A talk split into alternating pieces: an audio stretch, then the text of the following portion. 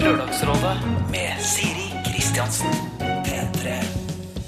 Må kjærlighet være lidenskapelig, er et av spørsmålene som kommer til å dukke opp i dagens eh, lørdagsråd.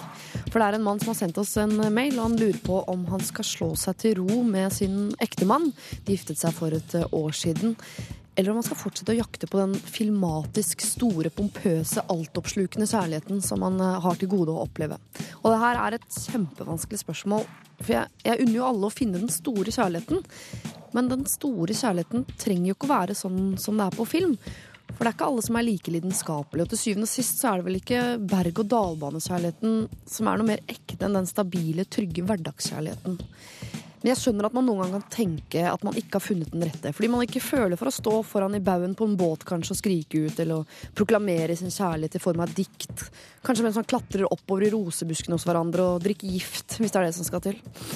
Det blir veldig spennende å høre hva dagens rådgivere tenker om eh, saken. For selv så koser jeg meg i hjel med min hverdagssærlighet. Der er det ingen ups, ingen downs. Vi bare koser oss sånn eh, midt på hele tiden. Vi får høre med rådgiverne om de vil slå et slag for denne hverdagssærligheten i dag. Eller om de har blitt bitt av denne pompøse Hollywood-lidenskapen.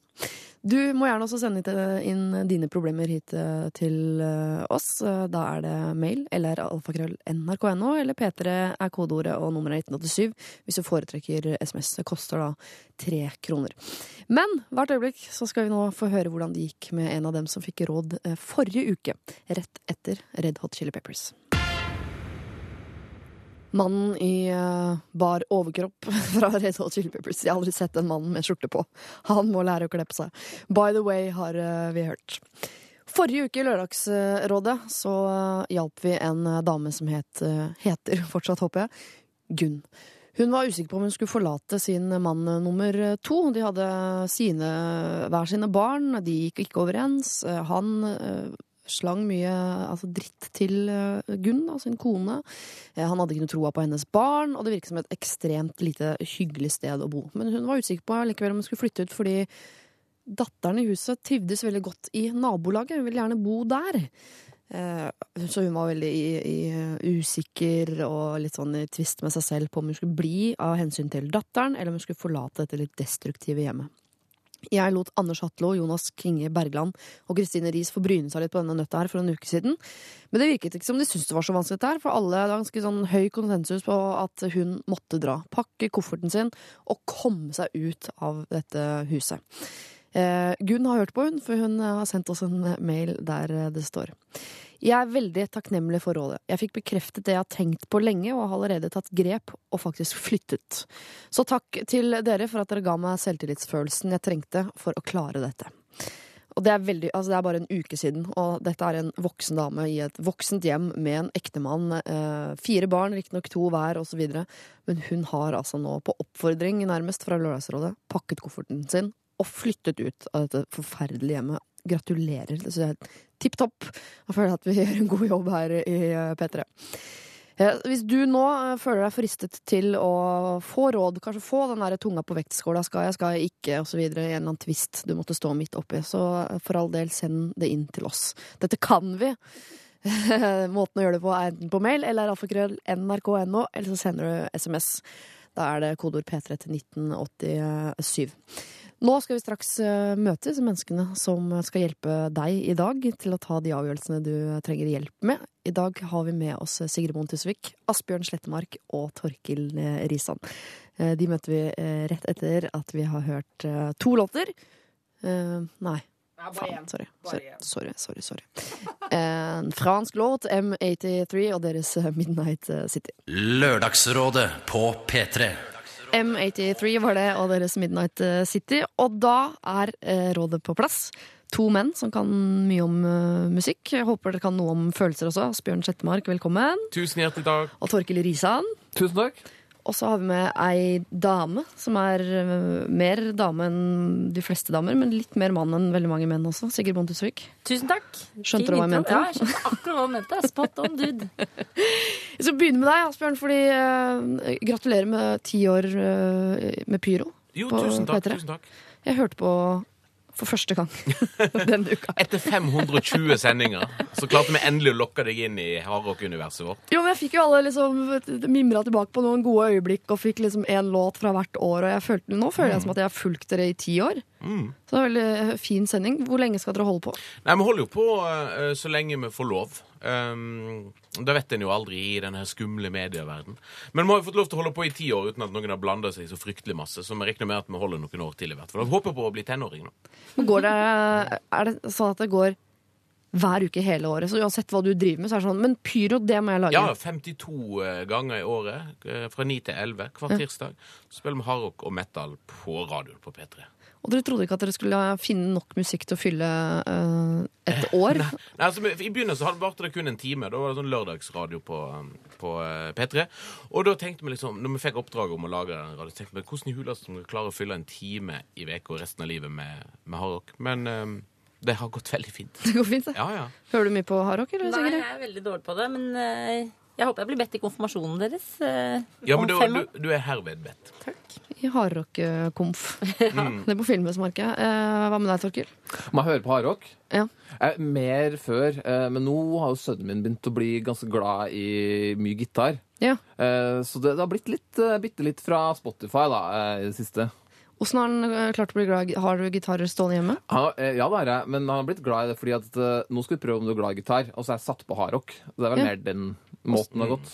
Ja. Og da beveger han hodet i takt med det som skjer. Han beveger mest fot. Én fot gjerne. Så går, så den ene foten står ned i bakken, så går han liksom en runde rundt seg sjøl med den andre foten trampende. Det høres ut som Åge Aleksandersen. det kunne ha vært fort. Har du født reinkarnasjonen av Åge Aleksandersen? Hadde vært så vel. Åh, skjønt. Åh, da må du si. Men eh, du har et slags lite jubileum du også. Episode to av Kompisen til Lars. Det er jo ikke så mye å rope Det hurra er den for som vanskelige andre episoden. ja. Ja, nei, det er Det er sant. den Det. beste, det. Ja, det her er en eh, veldig fin episode, altså. eh, Som ligger ute på internett på P3-sidene. Tilgjengelig på internettet. Tilgjengelig nakne damer, for eksempel. Oi. Hvis man har lyst til å se det på en lørdagsmorgen, gå inn der. Ja. Chillen. Hør på bra rappmusikk. Mm. Nakne damer og god rappmusikk. Det høres ut som en rappvideo. Ja, det, det er det også. Det. Skal være det. Ja. Høres ut som tilværelsen til veldig mange menn i eh, USA. Ja, det tror jeg det er, i Sigrid, har du noe jubileumsgående? Eh, Jeg har premiere på torsdag helt fra Nydalen på torsdag. Ja. Det er litt langt fram i tid, sånn når det er lørdag og folk har kobla av uka. Men, eh, men det er det jeg har. Men er det noe jubileumsaktig? Er det rundt tall? Er det noe Ikke noe rundt. Jeg er 32. Er det rundt? Nei, det er Det er den rundeste man klarer å komme. Hvis du som hører på har noen eh, spørsmål til eh, dagens rådgivere, så for all del. altså kodeordet er P3 nummer er 1987. Og det samme informasjonen gjelder også hvis du har eh, problemer som du vil at vi sammen skal løse nå de neste drøye to, nesten tre timene. Welcome to the mountains, eh, synger de Big Bang. Og så har vi også hørt eh, Bislett Stadion, Oslo S. Eh, dagens rådgivere er Torkil Risan, Asbjørn Slettmark og Sigrid Bonde Tusvik. Dere skal få et amorøst problem så tidlig på morgenen. Jeg har skrevet overskriften 'Må det være lidenskap'. En gutt har skrevet inn. Hei, jeg er en gutt i slutten av 20-åra som nå i sommer gifta meg med typen min etter ca. tre år sammen. Han er veldig hengiven og sier at jeg betyr alt for han, og at uten meg ville ikke livet gitt mening. Noe som kan føre til litt pinnelig stillhet, siden jeg merker at jeg ikke føler det samme tilbake. Jeg tenker vel mer at det hadde vært trist om det tok slutt, men livet går nok videre. Dette virker kanskje som et elendig utgangspunkt for å gifte seg, men greia er at jeg har aldri vært stormende, ukontrollert Hollywood-forelsket i noen, og vet rett og slett ikke om jeg har det i meg. Jeg har det veldig bra sammen med min mann, men får liksom inntrykk av, på måten de fleste snakker om sine følelser, eh, fantastiske forhold og følelser på, at det kanskje bør være noe mer der. Spørsmålet her er vel, bør man få bli i et helt greit ekteskap, eller bryte ut for å lete videre etter denne såkalte store særligheten, som jeg kanskje ikke er i stand til å oppleve uansett? På forhånd takk for svar. Hilsen BT. Kan, bare ta rett og slett begynne der. Har dere troa på den altoppslukende Hollywood-forelskelsen, som vi jo ser på film hele tiden? Ja, dessverre. Ja. Man finner til slutt en eller annen eh, man er veldig veldig keen på, som selv når den er et ræva menneske, liker. Så hvis man, hvis man har et TV-program i hvert fall, og søker kjæreste, så, så får du liksom den store kjærligheten. Altså, det er mitt, alltid, mitt råd er å gå til NRK3 og få på, få på. Ja. BT søker kjæreste blir det da, denne gangen. Ja, men mener at alle, uansett om man kanskje ikke er et sånn veldig lidenskapelig menneske, kanskje man er en sånn veldig rolig og hverdagslig type, så fins det en sånn crazy kjærlighet der ute som man blir helt sånn Altså man virkelig steller seg foran i baugen på båten og skriker 'jeg elsker deg'. At man blir helt sånn type forelsket. Ja, jeg tror det. Jeg tror den Titanic-kjærligheten eksisterer, da. Ja. Uh, altså, ja, som du sier, stå foran på båten og rope Ja. 'King of the World' og, og, og sånne ting. Jeg, jeg tror den eksisterer, men samtidig så eh, eh, Så skal en jo ikke underkjenne pragmatikeren i mennesket heller. Altså når, når Hva var det hun het? Nei, det var Men det er en mann, BT. Ja, mann. BT. BT. Eh, altså, når han eh, sier at han har det helt greit, så, er det jo, altså, så er det jo ingenting som er galt. Nei. Så er det jo litt sånn eh, If it ain't broke, don't fix it. Fordi jeg tenker også Hvis han finner en ny en, så vet man jo at alt nytt blir gammelt. Så det blir jo greit utover da òg, etter hvert. Men han har liksom virker liksom Han har aldri hatt det sånn helt super, super beyond bra. Man har aldri vært stormende forelsket i noen, verken han han er sammen med nå eller andre. Og det er jo et homofilt par, dette her, så jeg tenker de har jo brutt noen barrierer og, og virkelig liksom eh, slått et slag for kjærligheten for å kunne gifte seg. Det er jo ikke bare, er ikke bare en som har dulta borti nabogutten, og så ble det noe sånn. Nei. Det er jo en, en jobb som er gjort her. Ja, for Vedkommende sier at han aldri har vært som stormende forelsket i noen, så det er jo åpenbart at dette er jo ikke det første forholdet til vedkommende heller. Eh, Så, så BT har jo da vært ute og på en ja, prøvd seg litt, da. Åpenbart vært i noen forhold. Og, og altså, jeg tenker litt sånn todelt her, for samtidig som jeg tror på Hollywood-kjærligheten Altså, jeg tror jo stort sett på de fleste følelser som jeg ser på film. Ja. Eh, altså, jeg tror på de fleste ting som, som skjer på film nå. Altså, jeg tror at eh, at det går an å reise med sånn gammelt eh, transportfly som Indiana Jones gjør fra kontinent til kontinent. Og, og sånne ting, Samtidig som jeg tror på kjærligheten til Leonardo DiCaprio og Kate Winslet i, i Titanic. Men samtidig så, så tilsier jo all livserfaring at, at det er en tid for å være pragmatisk òg. Det er en tid for å bare tenke OK, dette her er så bra som det blir. Ja. Kanskje ikke kjærlighet er den, eh, den delen av livet hvor jeg skal være lykkeligst. Men jeg er litt sånn eh, Jeg er litt mer skeptisk, eh, kjenner jeg. Fordi at altså, han er sånn passe fornøyd, har gifta seg med, med typen sin. Kan være en sutrekopp òg. Ja, ikke sant? Og han er bare i slutten av 20-årene. Mm. jeg jeg syns for min del hadde jeg, hadde jeg ville liksom lett litt mer, tror jeg. Eh, Men ville du lett i eller utenfor ekteskapet? Altså, hadde du blitt i ekteskapet til du fant noe, og så hoppa? Eller skal jeg Altså, anbefale altså, at han går jo- ut og begynner å lete? Gjør det. det på den ryddige måten. ja, vi har hadde ikke gjort det på ryddig. Nei, ingen som gjør det ryddig. Altså, for å ta noe med ei hånd, så må du slippe noe.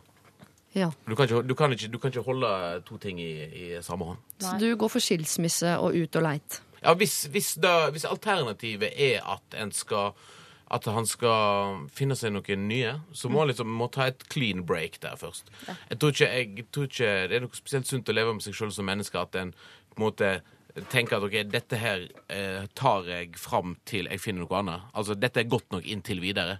Må, ta- Sigrid, må er ta en avgjørelse. der. Du hadde jeg blitt er- til du jeg fant hadde noe blitt bedre. til jeg finner ny. For du syns det er skikkelig dritt å være alene. Er du en sånn overlappingsfan? Ja. Det er samme som hvis du har en leilighet, eh, men du er misfornøyd med den leiligheten du bor i. Ja. Så er det ikke sånn at du flytter ut på gata. Altså, Venter du noen uker til du har funnet deg et mansion. Eh, Du går og ser på leiligheten mens du fortsatt bor i den gamle. Ja. Men hos er eiendomsmeglere så anbefales det vel å selge før man kjøper. Ja, men men det er altså- nesten ingen som gjør Det gjør jo dem, for de vil bare selge hus. Jo, jo. Ja, det er sant. Det, det må du ikke tro på, Siri. Men det er jo veldig mange der ute som er sånn Nei, jeg har aldri blitt sånn stormende forelsket som jeg ser på film. Er, er det folk som ljuger for seg selv i håp om at det er sånn det er, da? Fordi de aldri har møtt den rette? Altså, det er jo to alternativer. Det kan jo være at vedkommende har vært stormende forelska, men ikke har klart å identifisere den følelsen. Ja. Altså, det er jo en, det er jo en det? Ja, altså at han, at han har noen sånne krav til kjærlighet. Altså, kanskje hans krav til, til ultimat kjærlighet er eksempel jeg skal ikke klare å stå på beina, jeg skal bli svimmel og dette inn i veggen, Ja. eh, jeg skal henge tunga ut av kjeften min når jeg treffer vedkommende. Jeg skal renne Sånn som av kona. Ja. Ja, ja, sant. Altså, det, er- men eh, det kan jo også være at, uh, at han ha- Altså, Alle finner jo ikke den store kjærligheten. Selv om det, det er potensielt for alle, så tror ikke jeg alle finner den. Eh, Så kan det være at det her er det beste han, han får, men jeg syns det er allikevel for tidlig å slå seg til ro med det når du er i slutten av 20-årene. Jeg ville ha gitt det litt mer tid. Kanskje gjort noe, noen grep i livet mitt. Kanskje det er sitt eget liv som er problemet for at han ikke klarer å forplikte seg til maks. Kanskje han Eh, ikke er homofil? At vi har kommet så langt nå at han bare har gått ut fra det fra fødsel at han er homofil, og så har Ja, ja, ja. noen av 20 som tenker sånn men Herregud, jeg er jo heterofil. Det er derfor jeg aldri har opplevd de store kjenslene. Jeg tror eh, på Asbjørnar at eh, det er faktisk sånn at han kanskje tror at forelskelse er helt sykt Mm. en syk, syk opplevelse. Og det er jo ikke helt syk, syk opplevelse. Men jeg kjenner jo folk som, som tror det, eller som tenker det. At eh, ja, da er ikke jeg forelska. Så bare tenker du sånn jo jo, du er forelska. Og det blir ikke bedre, for det kan være han er at det blir ikke denial. bedre enn det der. Kan være denial, rett og slett. Men kan det være at det har skjedd et eller annet tidligere som gjør at han ikke tillater seg å bli forelska? Han bør gå til eh, relasjonsterapeut. Mm. Skal vi anbefale Det er, det er jo veldig For konkret, de er ofte skilt fra før av, de. de så Det de vet de Nei, men vet, hva, jeg tenker, vet hva som slår meg nå plutselig? Dette er et veldig Woody Allensk problem. Ja. Dette er et klassisk New York-problem. Ja, ja. Dette er noe for en psykoanalytiker.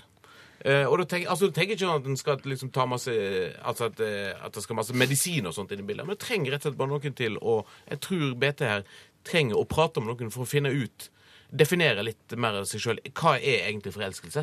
For i og med at han sier at han, sier at han ikke har vært forelska, men det vet han strengt tatt ikke. Mm. For at hvis, han, hvis han ikke har vært Hvis han ikke har, eh, klarer å definere følelsen av forelska, så trengs det noen å prate med. Trenger, Kanskje- trenger, å dra til, trenger med... å dra til, dra til Manhattan, finne seg en sånn eh, benk å ligge på. Sånn sjeselongaktig. Ja, for det er billigere enn å finne det i Norge. Ja. Norge er dyrt. Så får du tur òg, da, til Ja, New ja, Men uh, han trenger jo ikke å reise så langt. Han kan vel sette seg ned. Han har sikkert noe skinnsofa-lignende også hjemme i huset sitt. Han kan snakke med mannen sin og si du er en veldig sånn type, jeg er en mer sånn type. Og at de sammen kan finne ut er det nok kjærlighet her begge veier. jeg vil anbefale deg å gå til å prate med noen først. Ja. Altså, altså Ikke nødvendigvis psykoanalytiker, men prate med noen venner en stoler på som, en kanskje, som han kanskje har eh, har veldig respekt for at er flinke med mennesker. Liksom Bak ryggen på ektemannen, dette, ikke sant? Ja, ja. den- Nei, det er ikke, det er ikke å gå bak ryggen, mener jeg. Nei, det er bare å finne ut seg selv. Men det her er jo å gå bak ryggen. Ja. Så, så altså, han, er jo bak, han jobber jo bak ryggen. Altså, jeg vet ikke hva han gjør eh, på Nei, bak men han er, jo på, han er jo bak ryggen, liksom. Han er bak ryggen i dette forholdet. Ja. Nå kjente jeg det kom en del vitser som Det jeg ikke skal se på radio. Ja, nei. Vi stopper det der før standupen begynner, folkens. Eh, Jeg eh, må innrømme at jeg er ikke helt enig eh, med dere, men nå skal jeg jo prøve å formidle det, det jeg hører at dere sier. Og dere mener jo at ha, dette må man finne ut av. Det fins antageligvis en større kjærlighet der ute, men sjansen for at den finner den, er jo ikke så veldig stor, så kanskje dette er det nærmeste han kommer. Det kan være at dette faktisk er den store kjærligheten, uten at han har klart å sette ord på det. Det er en Ja. mulighet. Hva mener du? Eh, Jeg mener at det fins en del folk som ikke er født med så mye jubel i seg, som eh, jeg hørte Harald Eia si i et intervju på radio her for en tid tilbake. Ja. Som er født med like mye jubel i seg. Som det er, det, det er eh, hverdagskjærlighet. Jeg er veldig glad i hverdagskjærligheten. Jeg syns det er bedre at ting går rett fram ganske bra hele veien, enn at det skal være helt jævlig på onsdag, tipp topp på fredag. Nei. Og så, jeg, det, jeg er ikke et veldig lidenskapelig menneske. Jeg er ikke en sånn som sier 'faen, jeg hater deg', og så ble jeg tatt opp etter veggen to timer senere. Så jeg er ikke et på- sånn menneske. Jeg er mer sånn deg da blir det taco og en DVD. Eller, og så koser vi oss på det nivået. Herfra og hele veien ut, hånd i hånd, samme helgen, inn i solnedgangen i 2093. Oi! Ikke sant? Men vi er, der er vi uenige, altså. Vakkert. Vakkert. Det var veldig fint sagt. Var det? Mm, takk. Selv om lokføreren ikke lever da, tror jeg. Altså, sånn Han er død. 2000. Han er steingammel allerede nå. Han har ikke sjans til å oppleve det greiene der. Men jeg skal i hvert fall det. Eh, Bete, jeg håper at du finner uh, ut av det. Det virker som om du skal må prøve å finne ut av det her mens du er i, i uh, dette giftermålet. Ikke, ikke skill deg sånn nå med en gang, men finn ut av det. Gå og snakk med noen du respekterer, gjerne i venneflokken, eller kanskje du må til en terapeut. Og da sier. Sigrid her at det lønner seg å dra til Manhattan, for der er det billigere. Ja.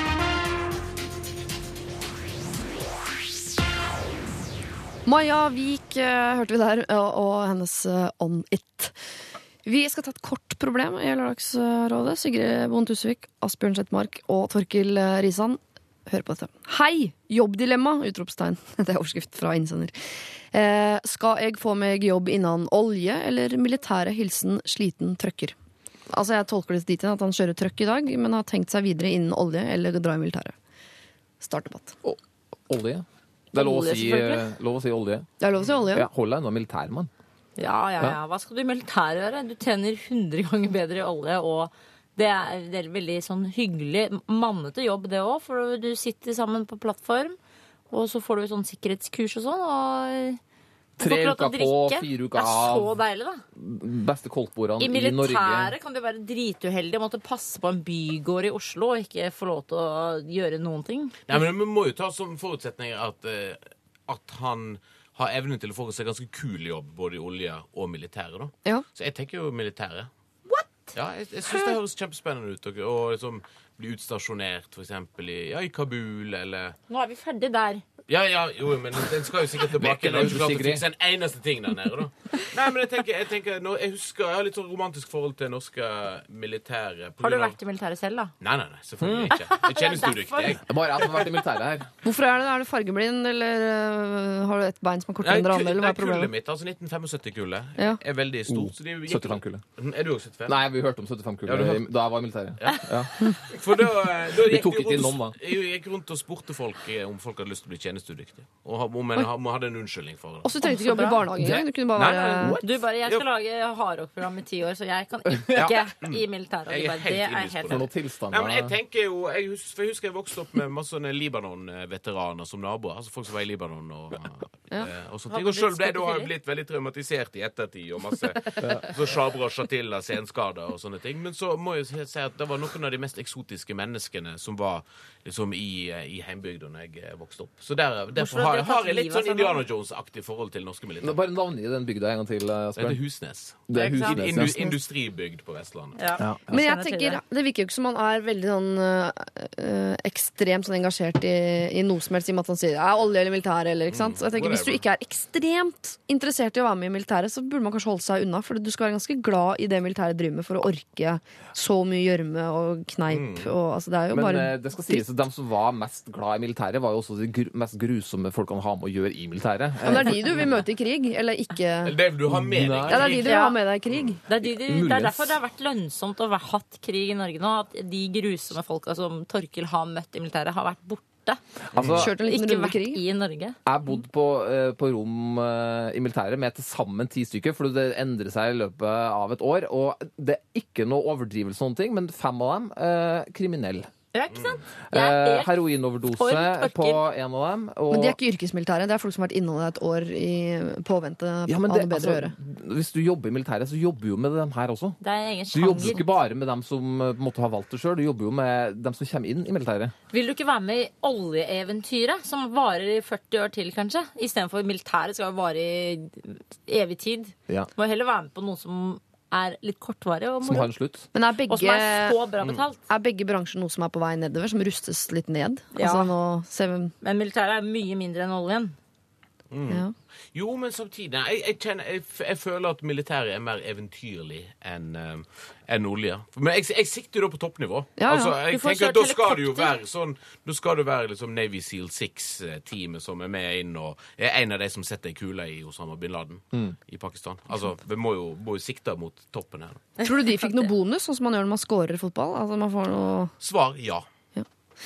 Eh, Så altså én for militæret her og to for olje. Og det er da eh, Asbjørn, du sier militæret fordi du har en sånn romantiske følelser Jeg rundt leste, det jeg leste hele. mange bøker om han er eh, 75-kullet. Det Og så er bare det 75 nevner kullet. Jeg jeg. har skrevet mye bøker om Vi aner ingenting. Der er det rått, altså. 1975-kullet. Og, og Sigrid, dere er vel 78-79-kullet. Dere går med for pengene. 80, slapp av. Dere husker ikke Alexander Kielland, dere vet det? Jeg har lest mye om den. eh, Både forfatteren og plattformen. Altså én på militæret, to for olje. Da blir det olje, da. Eh, Lykke til, eh, trøkker. Du har altså en framtid innen eh, olje. Lørdagsrådet. Johnny Cash og hans eh, Hurt, og så har vi også hørt eh, The Killers og deres eh, Runaways. Og når du er her, eh, Asbjørn Slettemark, har du, liker du Killers bedre eller dårligere nå etter at de var her på P3 Sessions? Jeg liker de på en måte bedre etter jeg så konserten med de, Ja. og litt mindre etter jeg snakka med de. Er de ræva folk? Er det er et, et eller annet, Vokalisten er et eller annet sånn Hannibal Lektersk over han. Oh, prøvde han å spise skallen din? Ja, jeg var hakket før, men sånn, litt, sånn, litt sånn insisterende smil. Og så ser du bak øynene at det er ingen sjel. Å, shit. Er han sjelløs? Han han? er, han er sjelløs, ja. Det tror jeg. Altså, i hvert fall, for å si det sånn, Hvis en kan dømme et menneske etter et, eh, et veldig sånn kjapt eh, 15 minutters treff, som en selvfølgelig kan gjøre, Ja, så ja, eh, han er sjelløs. 15 sekunder, syns jeg. er- 15 sekunder holder lenge. Jeg ble forelsket i han langhåra apen som sto på siden på konserten der og spilte Ja, bass eller gitar eller et eller annet. Han ble, falt jeg pladask Ja, for altså, etter 15 sekunder. Han kuleste er jo han eh, trommeslageren. Han som er helt kliss lik på han i My Name Is Earl. Det Eh, Ronny. Venucci, eller hva han heter. Veldig, han er en veldig artig, veldig artig type. Artig type. Mm, litt Ikke sånn så, hadde han sjel? Mm. Han hadde sjel. Ja, han hadde i hvert fall humor. Trenger ikke ha sjel fra humor. Snakker erfaring. OK, vi tar et uh, problem. Torker Rydan skal også være med å løse dette, og det skal også du, Sigrid Bonde Tusvik. Uh, det dreier seg om uh, barn. Hei, jeg er gift med en flott mann, og vi har det fint sammen. Vi er begge i midten av 30-åra, og vi er begge veldig usikre på om vi vil ha barn. Når jeg var yngre, var jeg sikker på at jeg ikke ville ha barn. Jeg likte dem ikke, syntes de var dumme, og forsto ikke hva som var så stas. Nå som jeg har blitt eldre og har venner som har barn, eh, og også har blitt tante selv, så kjenner jeg jo at jeg begynner å like disse barna, og jeg forguder min nevø. Jeg gråter når han har dratt, og jeg savner han. Men er det så fantastisk som alle skal ha det til? Jeg ser jo hvor utrolig slitsomt det er. Man har aldri en stund for seg selv. Venninnene mine klager over lite søvn, at de er slitne, at de aldri får gjort noe. Eh, og jeg ser jo også at de aldri får vært med på noen ting. Jeg tar meg i å tenke at dette eh, kunne, det jeg driver med nå, kunne jeg ikke gjort hvis jeg hadde barn. Som å sitte her og lese avis i tre timer for eksempel, mens jeg hører på Lørdagsrådet. Og min mann føler også at han ikke har tid eh, til alt, og at han ikke har lyst nå. Eh, Så hva da når vi får barn? Hva gjør vi med aktivt friluftsliv, byliv, turer osv.? Ja, jeg hører at man kan gjøre alt dette med barn også, men hvorfor kjenner jeg ingen som gjør det da? Vi bor i Oslo, og min mann sier at han, eh, hvis han skal ha barn, så vil han gjerne ha eh, mer familie rundt seg. Det betyr at vi må flytte til ett av to bitte små steder langt fra nærmeste by. Og jeg er ikke ferdig med bylivet, og jeg vil gjerne fortsette å bo her. Dette er kanskje det eneste vi er uenige om. I tillegg til uh, dette er det utrolig skummelt å få barn. Alt det fysiske som kan gå galt. Man vet jo ikke om man lykkes med oppdragelsen. Jeg er redd for at uh, jeg blir en nevrotisk og engstelig mor i denne skumle verden hvor alt kan skje. Er vi bare late, eller må vi være skikkelig gira på å få barn? Kommer jeg til å angre hvis jeg ikke får barn? Eller kommer jeg til å angre hvis jeg får barn? Veldig mange spørsmål, men jeg tror dere skjønner hva hun spør om her. Ja, hun Altså, spør om ja. hun skal få barn. Skal hun få barn? Skal, skal de droppe kondomet? Er det hun spør om. Eh, Ligger de med kondom? Jeg håper hun går på p-piller. Jeg Kondom må hver bare gang. si, Siri, Ja. identifiserer meg veldig med det paret her. Ja. De har noen år på meg, eh, men eh, altså, jeg bor midt i Oslo. eh, Er ja, 32. Mm, er en kul fyr. En kul fyr, liker litt sånn bylivet, gjør litt sånn urbane, hippe ting. Liker Les kaffe og musikk. Leser aviser i tre timer på Lørdagsrådet, for eksempel. Ja. Eh, Hvordan får eh, du tid? Nei, men også, også med at familie bor langt unna, da, eh, i tillegg. Eh, Ja. Min familie er jo i Trondheim. Trøndelag. Trøndelag. Eh, jeg har nettopp fått eh, barn, eh, og derfor kan jeg på en måte gi måte, min side av eh, saken. Da. Eh, hva er definisjonen på nettopp? han er 17 måneder. Ok. Slutt å snakke i måneder, da. Ja, et, Men- snart, vi sier halvannet år, da. Han er ett og et halvt Nei, jeg mente uker. Jeg i uker.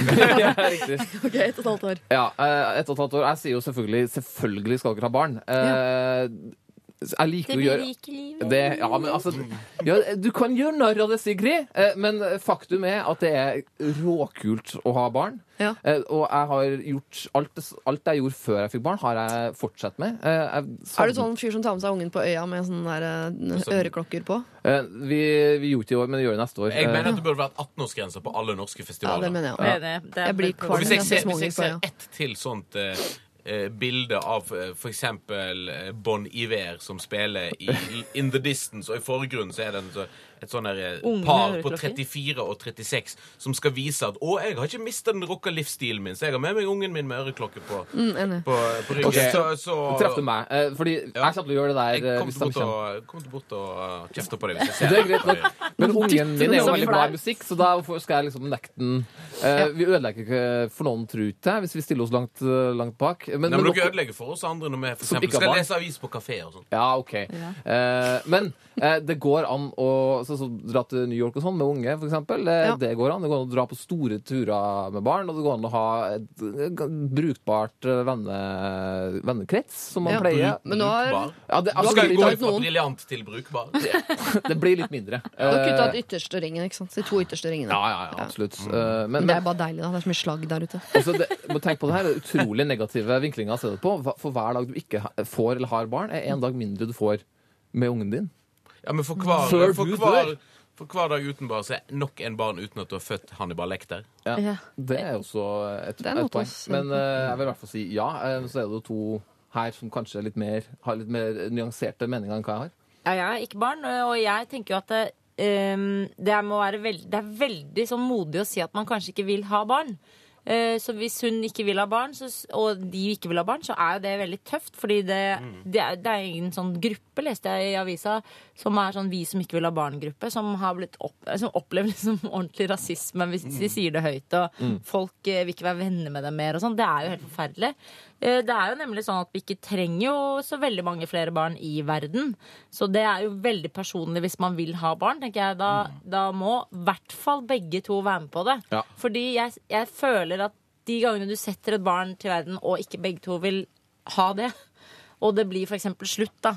Det er så synd. Det Da mener forsvinner far. Ja, og det er veldig, veldig trist. Pluss at jeg syns han hørtes jo litt vanskelig ut, han fyren som må flytte hjem til sitt eget lille Ja, hjemsted. ja det, den der kjøper jeg ikke. Altså, jeg, jeg, jeg, Asbjørn må ikke flytte hjem til Husnes, liksom. For nei.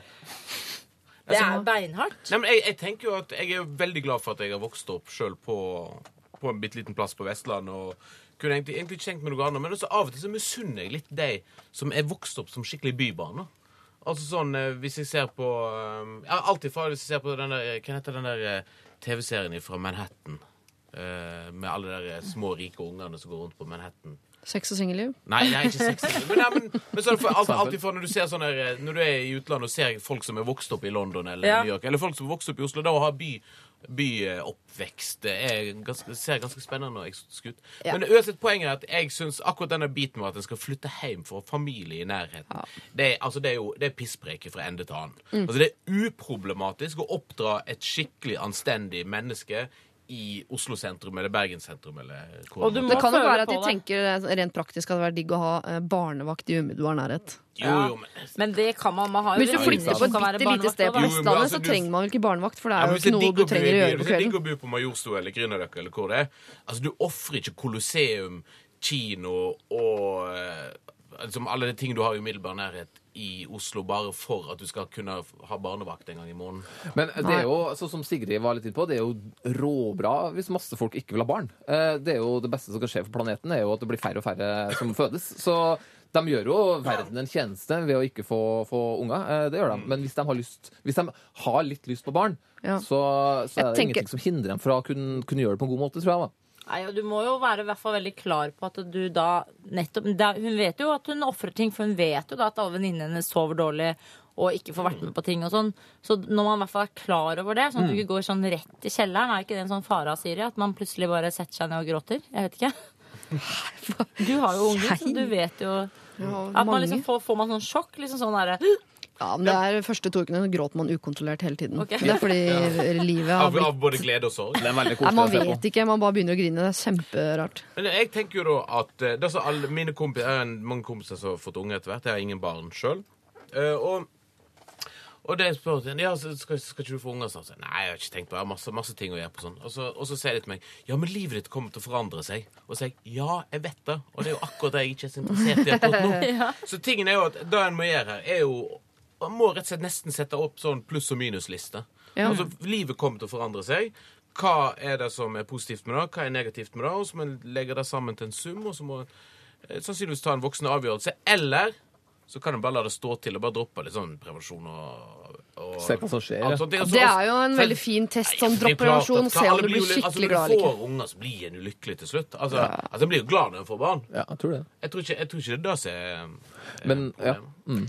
Men det er jo det er jo ikke alle som passer til å få barn heller. Og jeg tenker jo at da eh, De her er jo i midten av 30-åra, så Mm. hun trenger jo kanskje det å vite litt Hun har jo litt dårligere tid enn han. Ja. Det er jo det som er dårlig gjort med å være jente. Men ble ikke, skal ikke Jennifer Aniston snart bli gravid, da? Hun er jo to 42. Dere ordner seg. Ja, Det Ja, ja, ja. ordner seg jo, Dere men jeg tenker det er jo greit barn? å kunne følge ungene dine til skolen første skoledag uten å måtte liksom uh, trimme rullatoren. Altså, det er jo Ni- hyggelig å kunne 49 år. Hvis du er 49 år når du er 42 når du får Nei, 49 når du er i første klasse. Ja. Hvis du får unge når du er 42, trenger ikke rullator, da. Nei, men ikke så langt unna.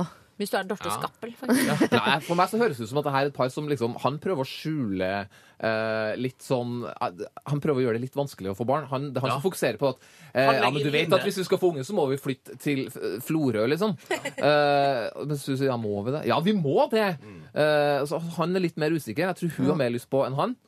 Jeg tror, må, de må være enige. Han må ha lyst, og han må kunne bo der de bor nå. jeg tror det er viktig når man skal ha barn, at man har lyst på barn. Selv om selvfølgelig blir man jo glad i den ungen etter hvert når den kommer ut, uansett om man hadde lyst på eller ikke i, i forkant. Men det er jo hyggelig å ha lyst på et barn når man skal ha barn. Pluss at du er kan, du kan jo lage en ordning at du får lov til å sitte og lese avisa i tre timer, og mannen din er ute med de ungene da. Så må du da eventuelt være hjemme på kvelden, og han får lov til å gå og feste, f.eks. Det er jo ordninger man kan gjøre. Det er ingenting dere driver med nå som ikke dere kan drive med når dere har barn. Det blir bare krever litt mer planlegging, og det går litt lengre tid mellom hver gang. Men det skal jo så sies at eh, småbarnsåra i livet, som jo Torkel er midt oppi nå, er jo eh, selvfølgelig slitsomt, men de som har kommet ut i andre enden, som vi liker å si, sier at det er de aller fineste årene av livet ditt allikevel. For det er aldri en situasjon hvor du får så mye kos som når du har eh, barn. At man, jeg har jo eh, fire til fem timer hver eneste dag hvor jeg får så mye kos at det er helt sånn og da er det sånn eh, naken hudkos. Og det er, altså, jeg har jo rumpa til sønnen min på tre år sånn oppi ansiktet. Og det er så koselig at man får helt sånn At man svømmer i kos, hva, liksom. unnskyld, unnskyld, Siri, men det var ikke spesielt godt innsalg er for å få barn. Jeg bare synes Du, du ble ikke solgt på den, Sigrid. Talk to me, woman. Jeg kjenner meg igjen, Siri. Ok, man kan vel, Det jeg syns jeg hører i rommet Jeg her, er kjenner en mur De som har- De som har barn, anbefaler barn. Eh, De som ikke har barn, anbefaler ikke nødvendigvis. Så det vil si at eh, de som kan noe om det La det, la, det, Anbefaler. la det sture og gå. Hvis de får unger, så blir de lykkelige. Ja, bare Ja. blir Men det viktigste er, viktigst er å, å, å konfrontere han på det der flytte ut av Det må dere Oslo-konseptet. Det må Og dere begge ikke. vil ha. Ikke Og bli sånn ikke- skilt når ungen er to år, og for dette var ikke planlagt, bla, bla, bla. Og ikke legg avgjørelsen på frykt hvis det er fordi du er redd for at det skal, ikke skal bra, og hvordan ungen blir og fødsel og sånn. Det er ikke en unnskyldning for å ikke få barn. Altså. Fordi jeg, ser på folk, Det er mitt triks. Se på folk rundt deg som du ikke hadde trodd skulle klare å få til noen ting. Se på liksom Knut i klassen eller hvem det måtte være som tenkte ikke skulle få til en dritt. Han har sikkert to unger nå, og det går helt fint. Alle får det til. Det er ikke så jævlig vanskelig. Lørdagsrådet på P3. Ikona Pop hørte vi der, og I love it. Skal vi bare, Er dere pumpa i hjernen, eh, Sigrid, Asbjørn, Torkil? Ja. Var, var det positivt eller negativt? Eh. Altså at vi var Er slitne? Det har sånn vært mye nei, Nei, emo gjerne hjernesøre mer emo. Mer emo. Eh, da åpner jeg med overskriften 'Kollegaen til mannen min tar vel mye kontakt'. Så her er vi innom både jobbliv, men også følelsesliv, sjalusi og alt det der i en herlig kompott. Jeg leser. Kjæresten min og jeg har vært gift i fire år, og fram til nå har vi hatt det riktig så bra sammen. For seks måneder siden fikk vi også vårt første barn. Men de siste månedene har en kvinnelig kollega av min mann begynt å sende han SMS, meldinger via spill på mobilen osv. En gang kontaktet hun han også i fylla og ba han med ut på byen. Han på sin side er åpen om at de har kontakt, men sier at SMS i fylla og andre forslag om f.eks. lunsj med henne og en annen kvinnelig kollega kommer av at hun er oversosial. Han sier hun ikke er interessert i han, men heller stille spørsmål generelt om menn og forhold, eh, for hun er visst kronisk singel. Dessuten, sier han, er det heller eh, at det ikke spiller noen rolle om hun ville ha hatt han, fordi han har kun øynene for meg. Allikevel syns jeg det er snodig å ta gjentatt kontakt med en gift kollega. Er han naiv, eller er det jeg som er i ammetåka og overreagerer? Sjalusi. Jeg hadde klikka. Jeg hadde også klikka Altså, ganske mye. Jeg er enig med the girls borti der. Altså, jeg, synes, eh, jeg tror hun har eh, en skjult agenda. Eller jeg tror, den er jo ikke skjult engang. Veldig Evig singel dame som er oversosial på ektemannen din, som hun kaller kjæresten. I fylla. Hva jobber jeg med? Det får vi ikke vite. For det syns jeg spiller inn her, altså. Jeg føler at de jobber med noe sånn kontor. Jeg Sånn at tipper det de er- jobber i sånn PR-rådgivningsfirma. Ja, KPMG, Så First. House eller G eh, Keys eller noe sånt. Men det er mye fredagspils, liksom. Det er veldig mye fredagspils. Men jeg er, eh, er litt uenig med dere, for jeg tenker at eh, så lenge han er åpen, og så lenge han er ganske tydelig på at dette her altså Hvis han hadde skjult de her tekstmeldingene, så, så hadde jeg blitt veldig skeptisk. Eller hvis han hadde latet som om eh, hun ikke tok kontakt, og liksom Hvis han hadde for slutta å snakke om noe sånt, så hadde jeg blitt eh, mistenksom. Men i og med at han er åpen på det, så er det liksom en må jo få lov til å ha sosial kontakt med andre folk, uansett om det er jenter eller gutter. Ja. Men det Men det viktigste, er viktigste er å ha en sånn helt sånn grunnleggende åpenhet i, eh, i Det, til forhold det, men det, det geniale han gjør her, er å være åpen. Eh, Ja. så, så han har jo han har jo på en måte sikra seg et lite frikort der, da, men han er åpen på det. Eh, og Det er ikke dermed sagt at han har uh, skumle hensikter sjøl, men uh, hadde han hatt skumle hensikter, så hadde det allikevel vært det lure å vært åpen på det. Genial det had- plan. Genial plan. Hun hadde jo funnet ut av det uansett. At han hadde mye sosial Ja, omgang han med en kvinnelig kollega. sånn sett, så hvis det skulle skjedd et eller annet, så har jo, Det- så har jo han, han har jo en exit strategy. Ja, veldig. Helt åpenbart. Men, ja, men jeg tenker jo at for, um, Rent sånn personlig så har jeg, jeg har ganske mange jente, gode, veldig gode jentevenner. Eh, blant annet så har jeg uh, En av mine beste venninner har vært uh, venn av meg i ja, godt over 20 år. Og som er, som er liksom like viktig for meg sånn sosialt sett som mine nærmeste barndomsvenner, altså guttevenner og sånne ting. da.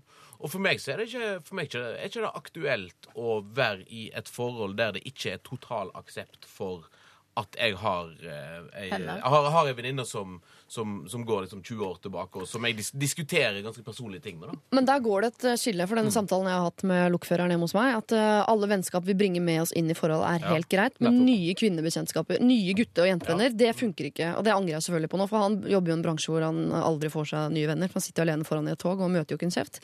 Jeg derimot møter jo masse interessante menn hele tiden som jeg har lyst til å ta med meg hjem som kompis. Men det kan ikke jeg, for det er jeg som har sagt eh, den regelen om at er- ingen nye bekjentskaper inn. Vil jeg si at når du, når du gikk inn i dette her forholdet, så på en måte så frøys du tiden? Jeg prøvde å fryse Altså, tiden. ble, du en sånn, ble du en sånn person som liksom er ferdig med det med å skaffe seg venner? Jeg er jo ikke det, vet du. Jeg har jo fått meg flere mannevenner etterpå. Det Ja, er men holder du hemmelig? Holder du hemmelig? Nei, men jeg snakker veldig mye om eh, han og hans dame og kona og Å, ja. og altså, Det er din exit strategy. da. Det er min. Uh, men da har jeg, jeg har jo til gode å treffe noen som på en måte også frister meg ut av uh, Men det, det, hun omtaler jo den her kvinnelige kollegaen på en måte som, som hvert fall sier meg at hun ikke kjenner henne så veldig godt. Nei, de har ikke møtt hverandre, tror jeg Så. Nei, så altså, Det vir- virker også veldig rart at uh, hun aldri kan være med sjøl. Eller at det, det virker Som jeg oppfatter det, så virker det unaturlig at kona skal være med når mannen er, er Ja. å møte den kvinnelige kollegaen. da. Kanskje det pga. den halvt vi, år gamle vi skal snakke jobb. eller? Ja, vi skal snakke jobb sammen med andre kvinnelige kollegaer. Men tror du ikke. Hun har akkurat fått barn, og da er man jo veldig sånn mm, i en sånn neste fase av livet sitt. Da er man ekstremt beskyttende overfor ikke bare barnet, men også mannen og det som er mitt, og det som skal være med å beskytte og sånn.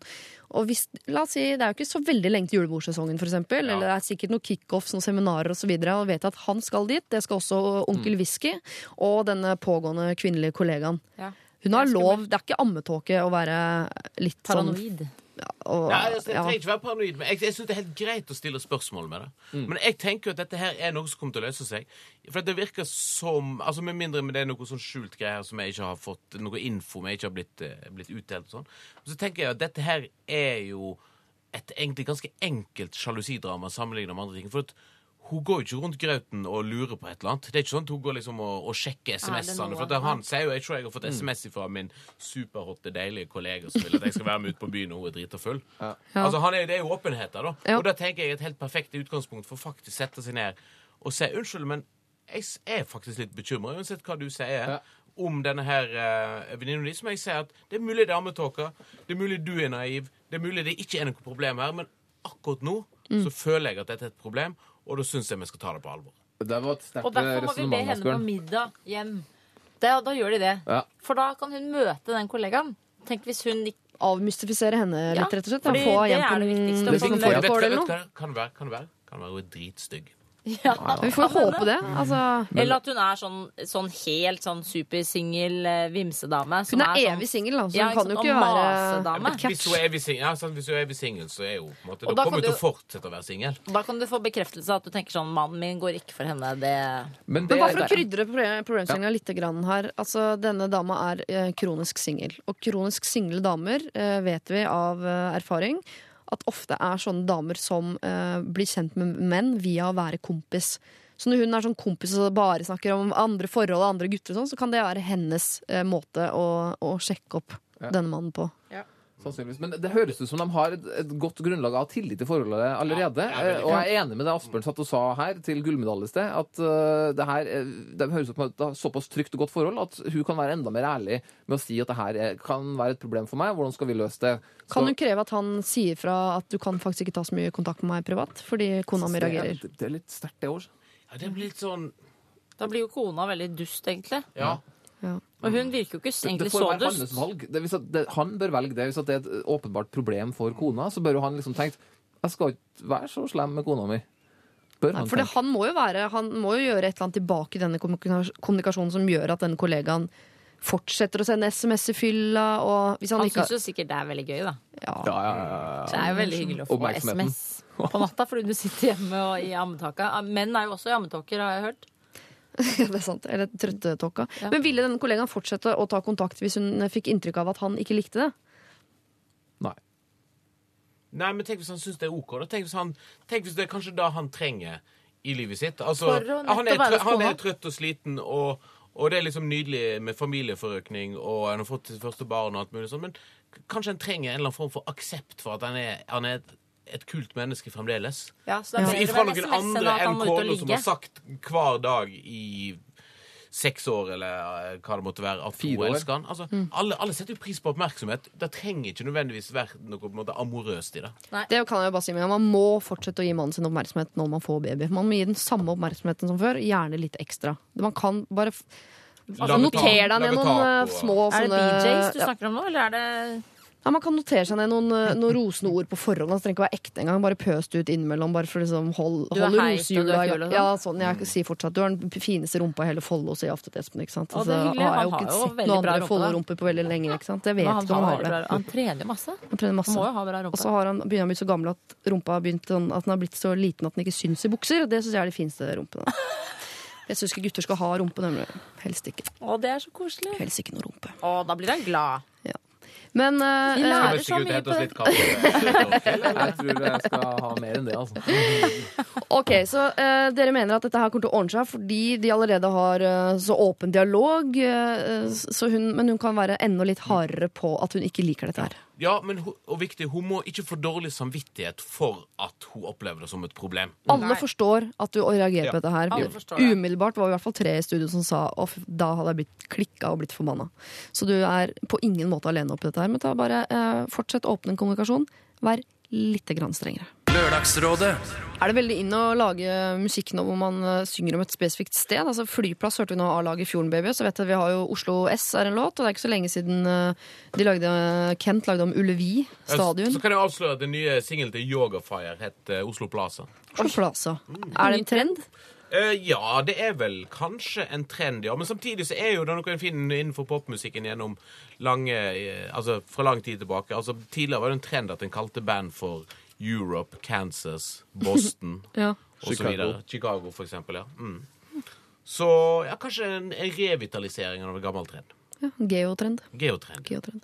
Eh, når, vi først, eh, når vi først sitter og prater sammen, Asbjørn, skal jeg stille deg et spørsmål. Fordi lytterne har sendt inn SMS til dere alle tre. Sigrid, eh, Torkil og Asbjørn. Så tar deg først, da. Kjør på. Det er en her som lurer på hva du spiller for å imponere damer. Og da er det jo snakk om musikk, ikke sport. Um, hva spiller jeg. Nei, altså, jeg, eh, Hvis jeg skal imponere uh, damer, så eh, spiller jeg egentlig musikk jeg liker sjøl.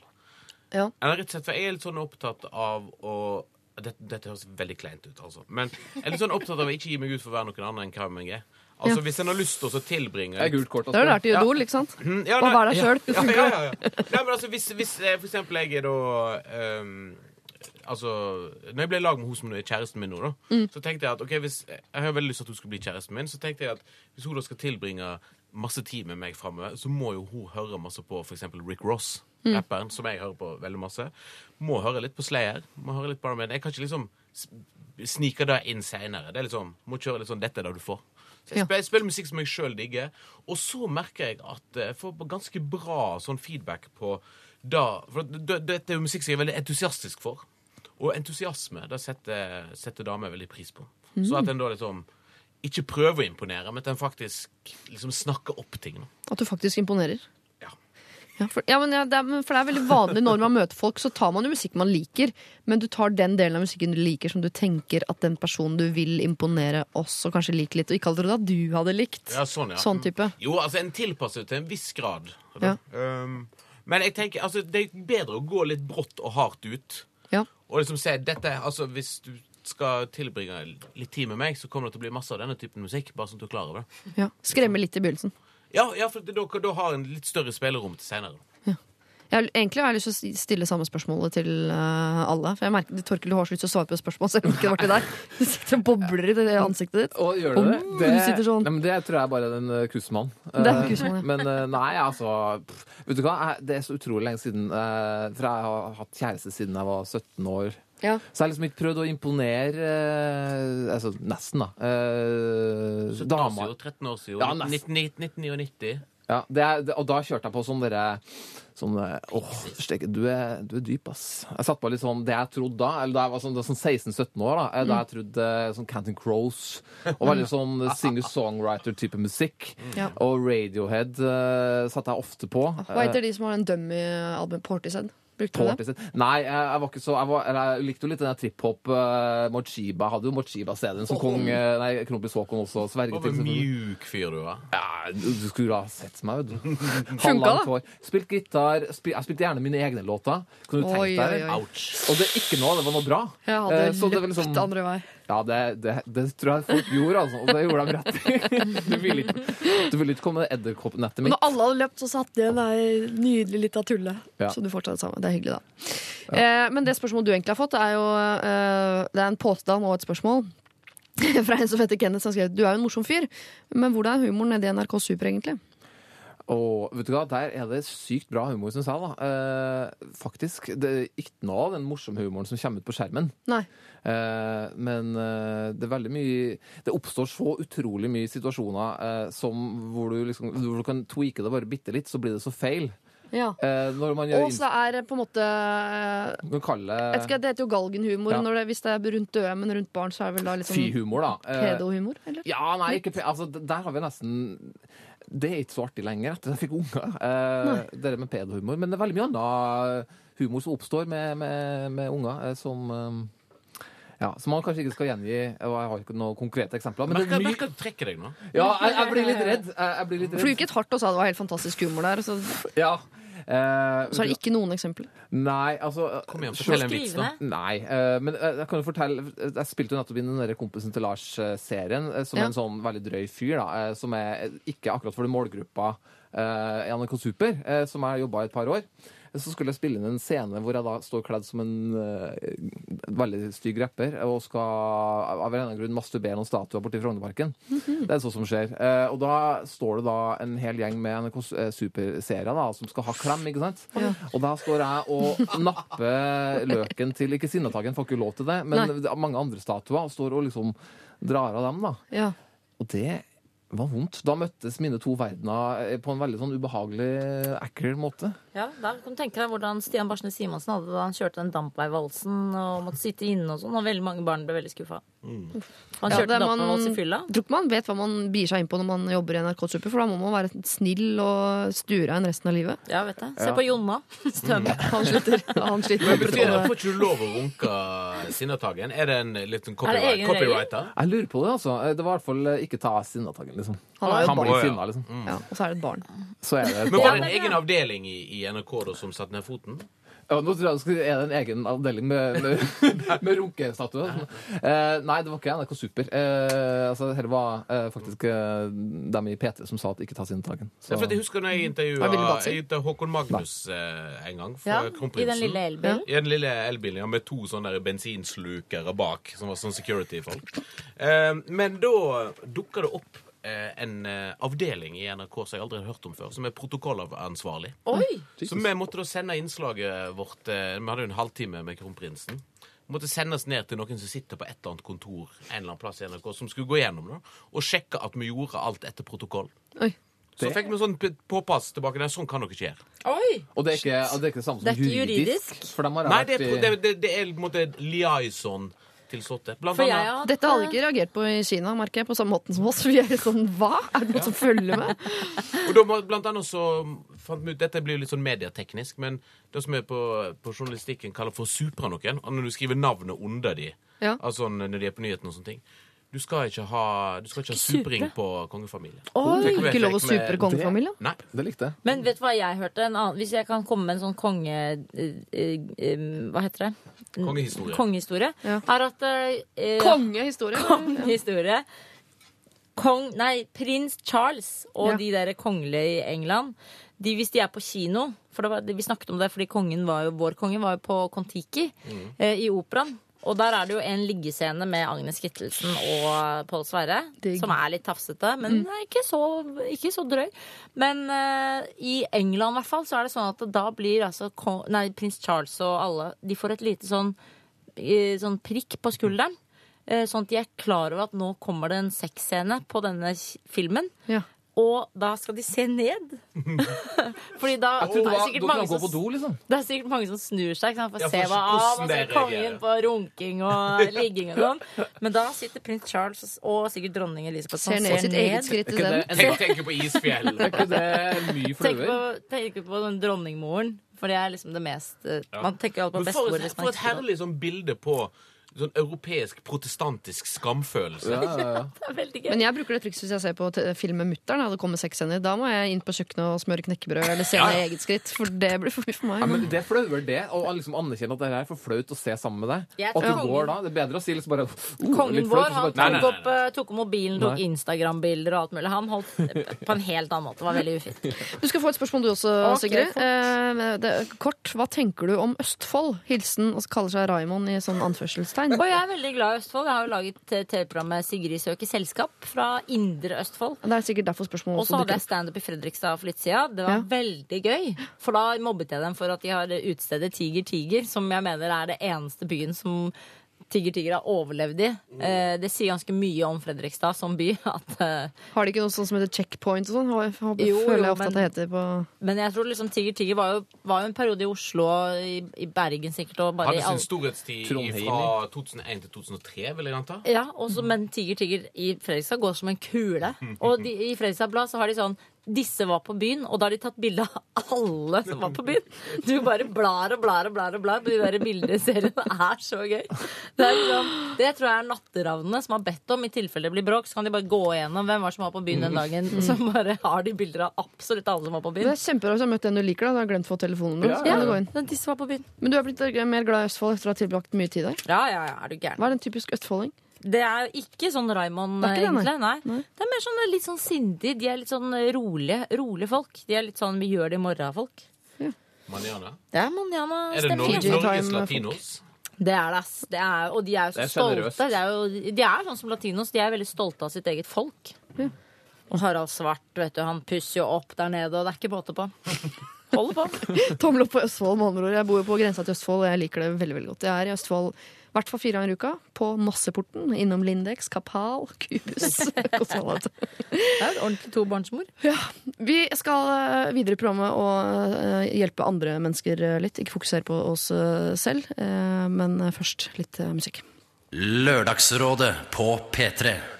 Blood Command, High for Life har vi hørt. Også Disaster in the Universe med Beach House. Åssen løser man det? Jeg bare tenker på den Blood Command-låta. Når det er helt tydelig sånn, eh, masse folk som synger i bakgrunnen. Har de tatt opp fra en konsert, eller har de fått masse folk inn i et studio? Ja, Det er det som kaller for gang vocals. Jaha, kaller de det det nå? Mm, eller terrace vocals, som en òg eh, kaller det for. Altså sånn at det Som lyden av liksom terrassen, altså øverste eh, del av en engelsk fotballtribune. Men da inviterer du bare venner i studio. ja. Så kjører du opp et par-tre kasser øl, og så får du de til å synge og hoie. Så det er ikke sant at Scooter tok opp på alle albumene sine foran 500 000 stykker? Eh, nei, det er nok ikke sant. det. Det Brukte du det som innsalg til kjæresten din? Skjønner bandet her og spiller inn alle låtene sine på Wembley stadion. Sykt bra band, ass. Sigrid Bonde Tusvik, Torkil Risan og Asbjørn Slettemark, dere er rådgivere i Lørdagsrådet i eh, dag. Og vi skal nå eh, hjelpe en av våre litt yngre lyttere. Vi har jo hatt mye voksenproblematikk i dag, hvor det er så mye både unge og giftermål i det hele tatt. Så nå skal vi litt ned i alder. Mitt problem låter som følger. Bestefar er syk og ligger på sykehus. Han kommer antageligvis til å dø. Jeg har bare hatt tid til å besøke han én gang fordi jeg går på skole som jeg føler at jeg må prioritere. Jeg tror ikke bestemor forstår det, for hun har indirekte begynt å fryse meg ut. I motsetning til min lillebror på ti år, så har han vært med henne og besøkt bestefar opptil flere ganger på sykehuset. Hun har for eksempel bedt lillebror på middag bak min rygg, med mer. Som dere forstår, er det definitivt bestemor som er hovedproblemet her. Bestefar kan jeg ta et par telefoner til i uka, men bestemor vil nok aldri forstå. Hva ville dere gjort for å gjøre alle parter fornøyde? Jeg trenger litt hjelp her. Hilsen Amanda. Hvor gammel er Amanda? Hvor gammel er Amanda? Det er litt vanskelig. Hun er eldre enn ti, det vet vi. For lillebroren er ti. Ja. Hun går på skole som hun føler at hun må prioritere. Så da tenker jeg eh, første, andre, tredje gym. Å ja. Hun er såpass eldre Ja, for. Hun skriver jo som en eh, som er litt eldre, syns jeg. da. Ja, men man gjør ofte det. Kan gå i tiende klasse. Men, øh, men Ja, men ja, altså, problemet her er at hun Hun føler ikke at hun kan prioritere å besøke bestefaren sin på sykehus, men i den prioriteringa så ligger det da at bestemor blir, eh, blir sur, og hun vil egentlig gjøre alle til lags. Men hun må besøke bestefaren sin på sykehus, for hun kommer til å bli, få veldig dårlig samvittighet øh, den dagen han dør. De gjør jo ofte det, de besteforeldrene. Og da vil hun angre veldig, veldig, veldig. Og det er nettopp sånn at man sitter og føler ekstremt mye på det der at man har skole, og man må prioritere skolen, og man får det jo trøkka ned i huet av alle lærere og seg selv. Og venner og foreldre. Men akkurat når det kommer til besteforeldre, da er det lov å slippe alt. Det, og det får Særlig hvis hun er glad i bestefaren sin. Og det virket jo som hun var veldig mye mer glad i han enn bestemoren. Akkurat nå, i hvert fall. Ja. Altså, du mener her at eh, hun må ikke prioritere skolen, som vi jo eh, vanligvis ville sagt. det er så Det er jo besøkelsestid på sykehus, og det får jo ikke vært der så mye. Jeg, jeg tenker at eh, eh, hun tror hun må prioritere skolen, men det må hun ikke. Nei. Altså om 10 år, om 20 år, om 30 år, så kommer hun ikke til å huske den ene skoledagen hun prioriterte.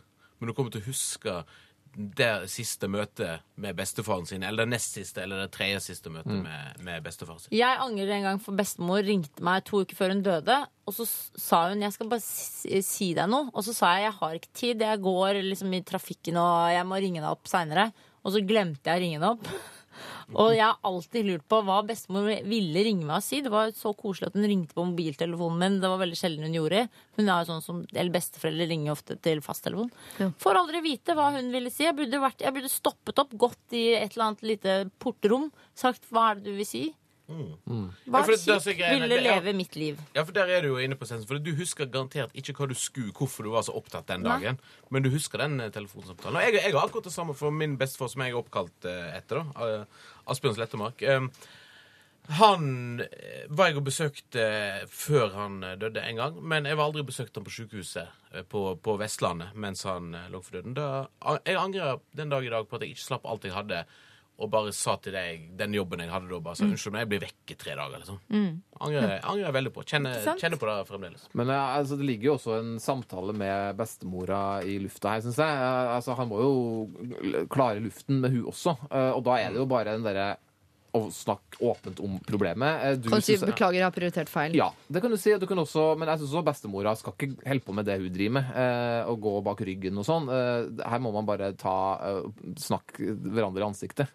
Nei, jeg er litt uenig der. eh, For jeg tenker at da å snakke med eh, en type besteforeldre eller folk som er såpass mange generasjoner eldre enn oss, altså de har ikke nødvendigvis uh, det samme forholdet som vi har til som du snakker om, snakke åpent om ting. Nei. Altså, det er litt sånn, kan, altså, te- altså, jeg tenker at kanskje så kan en kan nok være litt sånn konfronterende og si at unnskyld, bestemor, men nå syns jeg du er urettferdig med meg.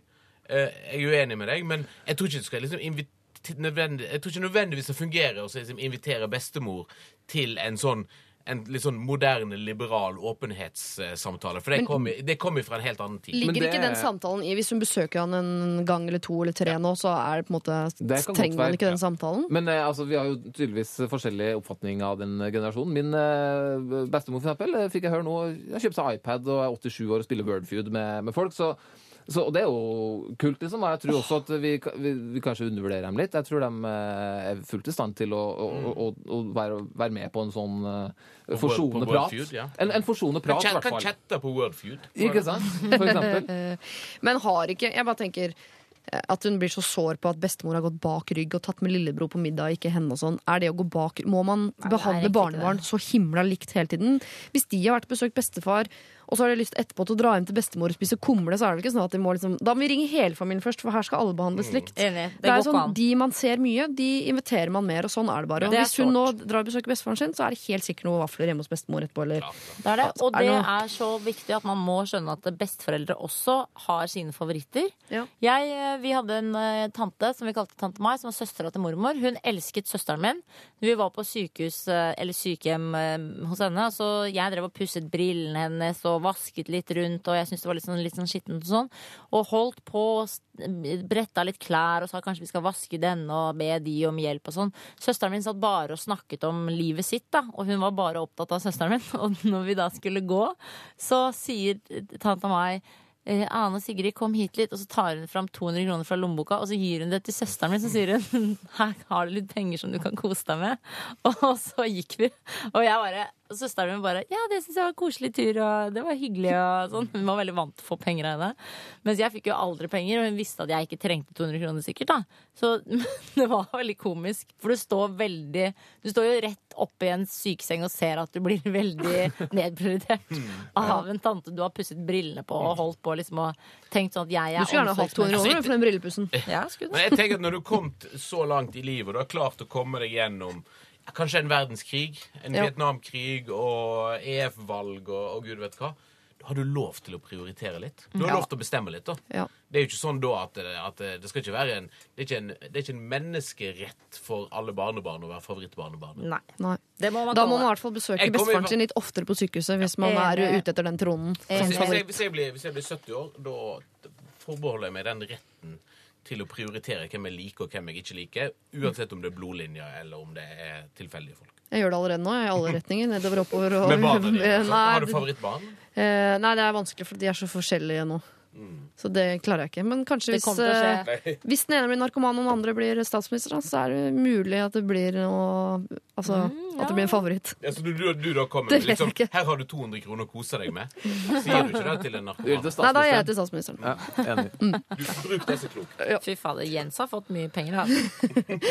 Amanda, det høres ut som om Jeg beklager, kanskje ikke akkurat dette her du vil eh, høre, altså, men uh, jeg tror ikke det er bestemor som er hovedproblemet. Hovedproblemet er bare at uh, Det er ikke deg heller, altså, det er ikke det, men du må bare besøke bestefaren din litt mer. Ja. For du, nå er det flere som har sagt du kommer til å angre hvis ikke du gjør det. Og du må ikke prioritere skolen nå. Den skolen den står der til evig tid.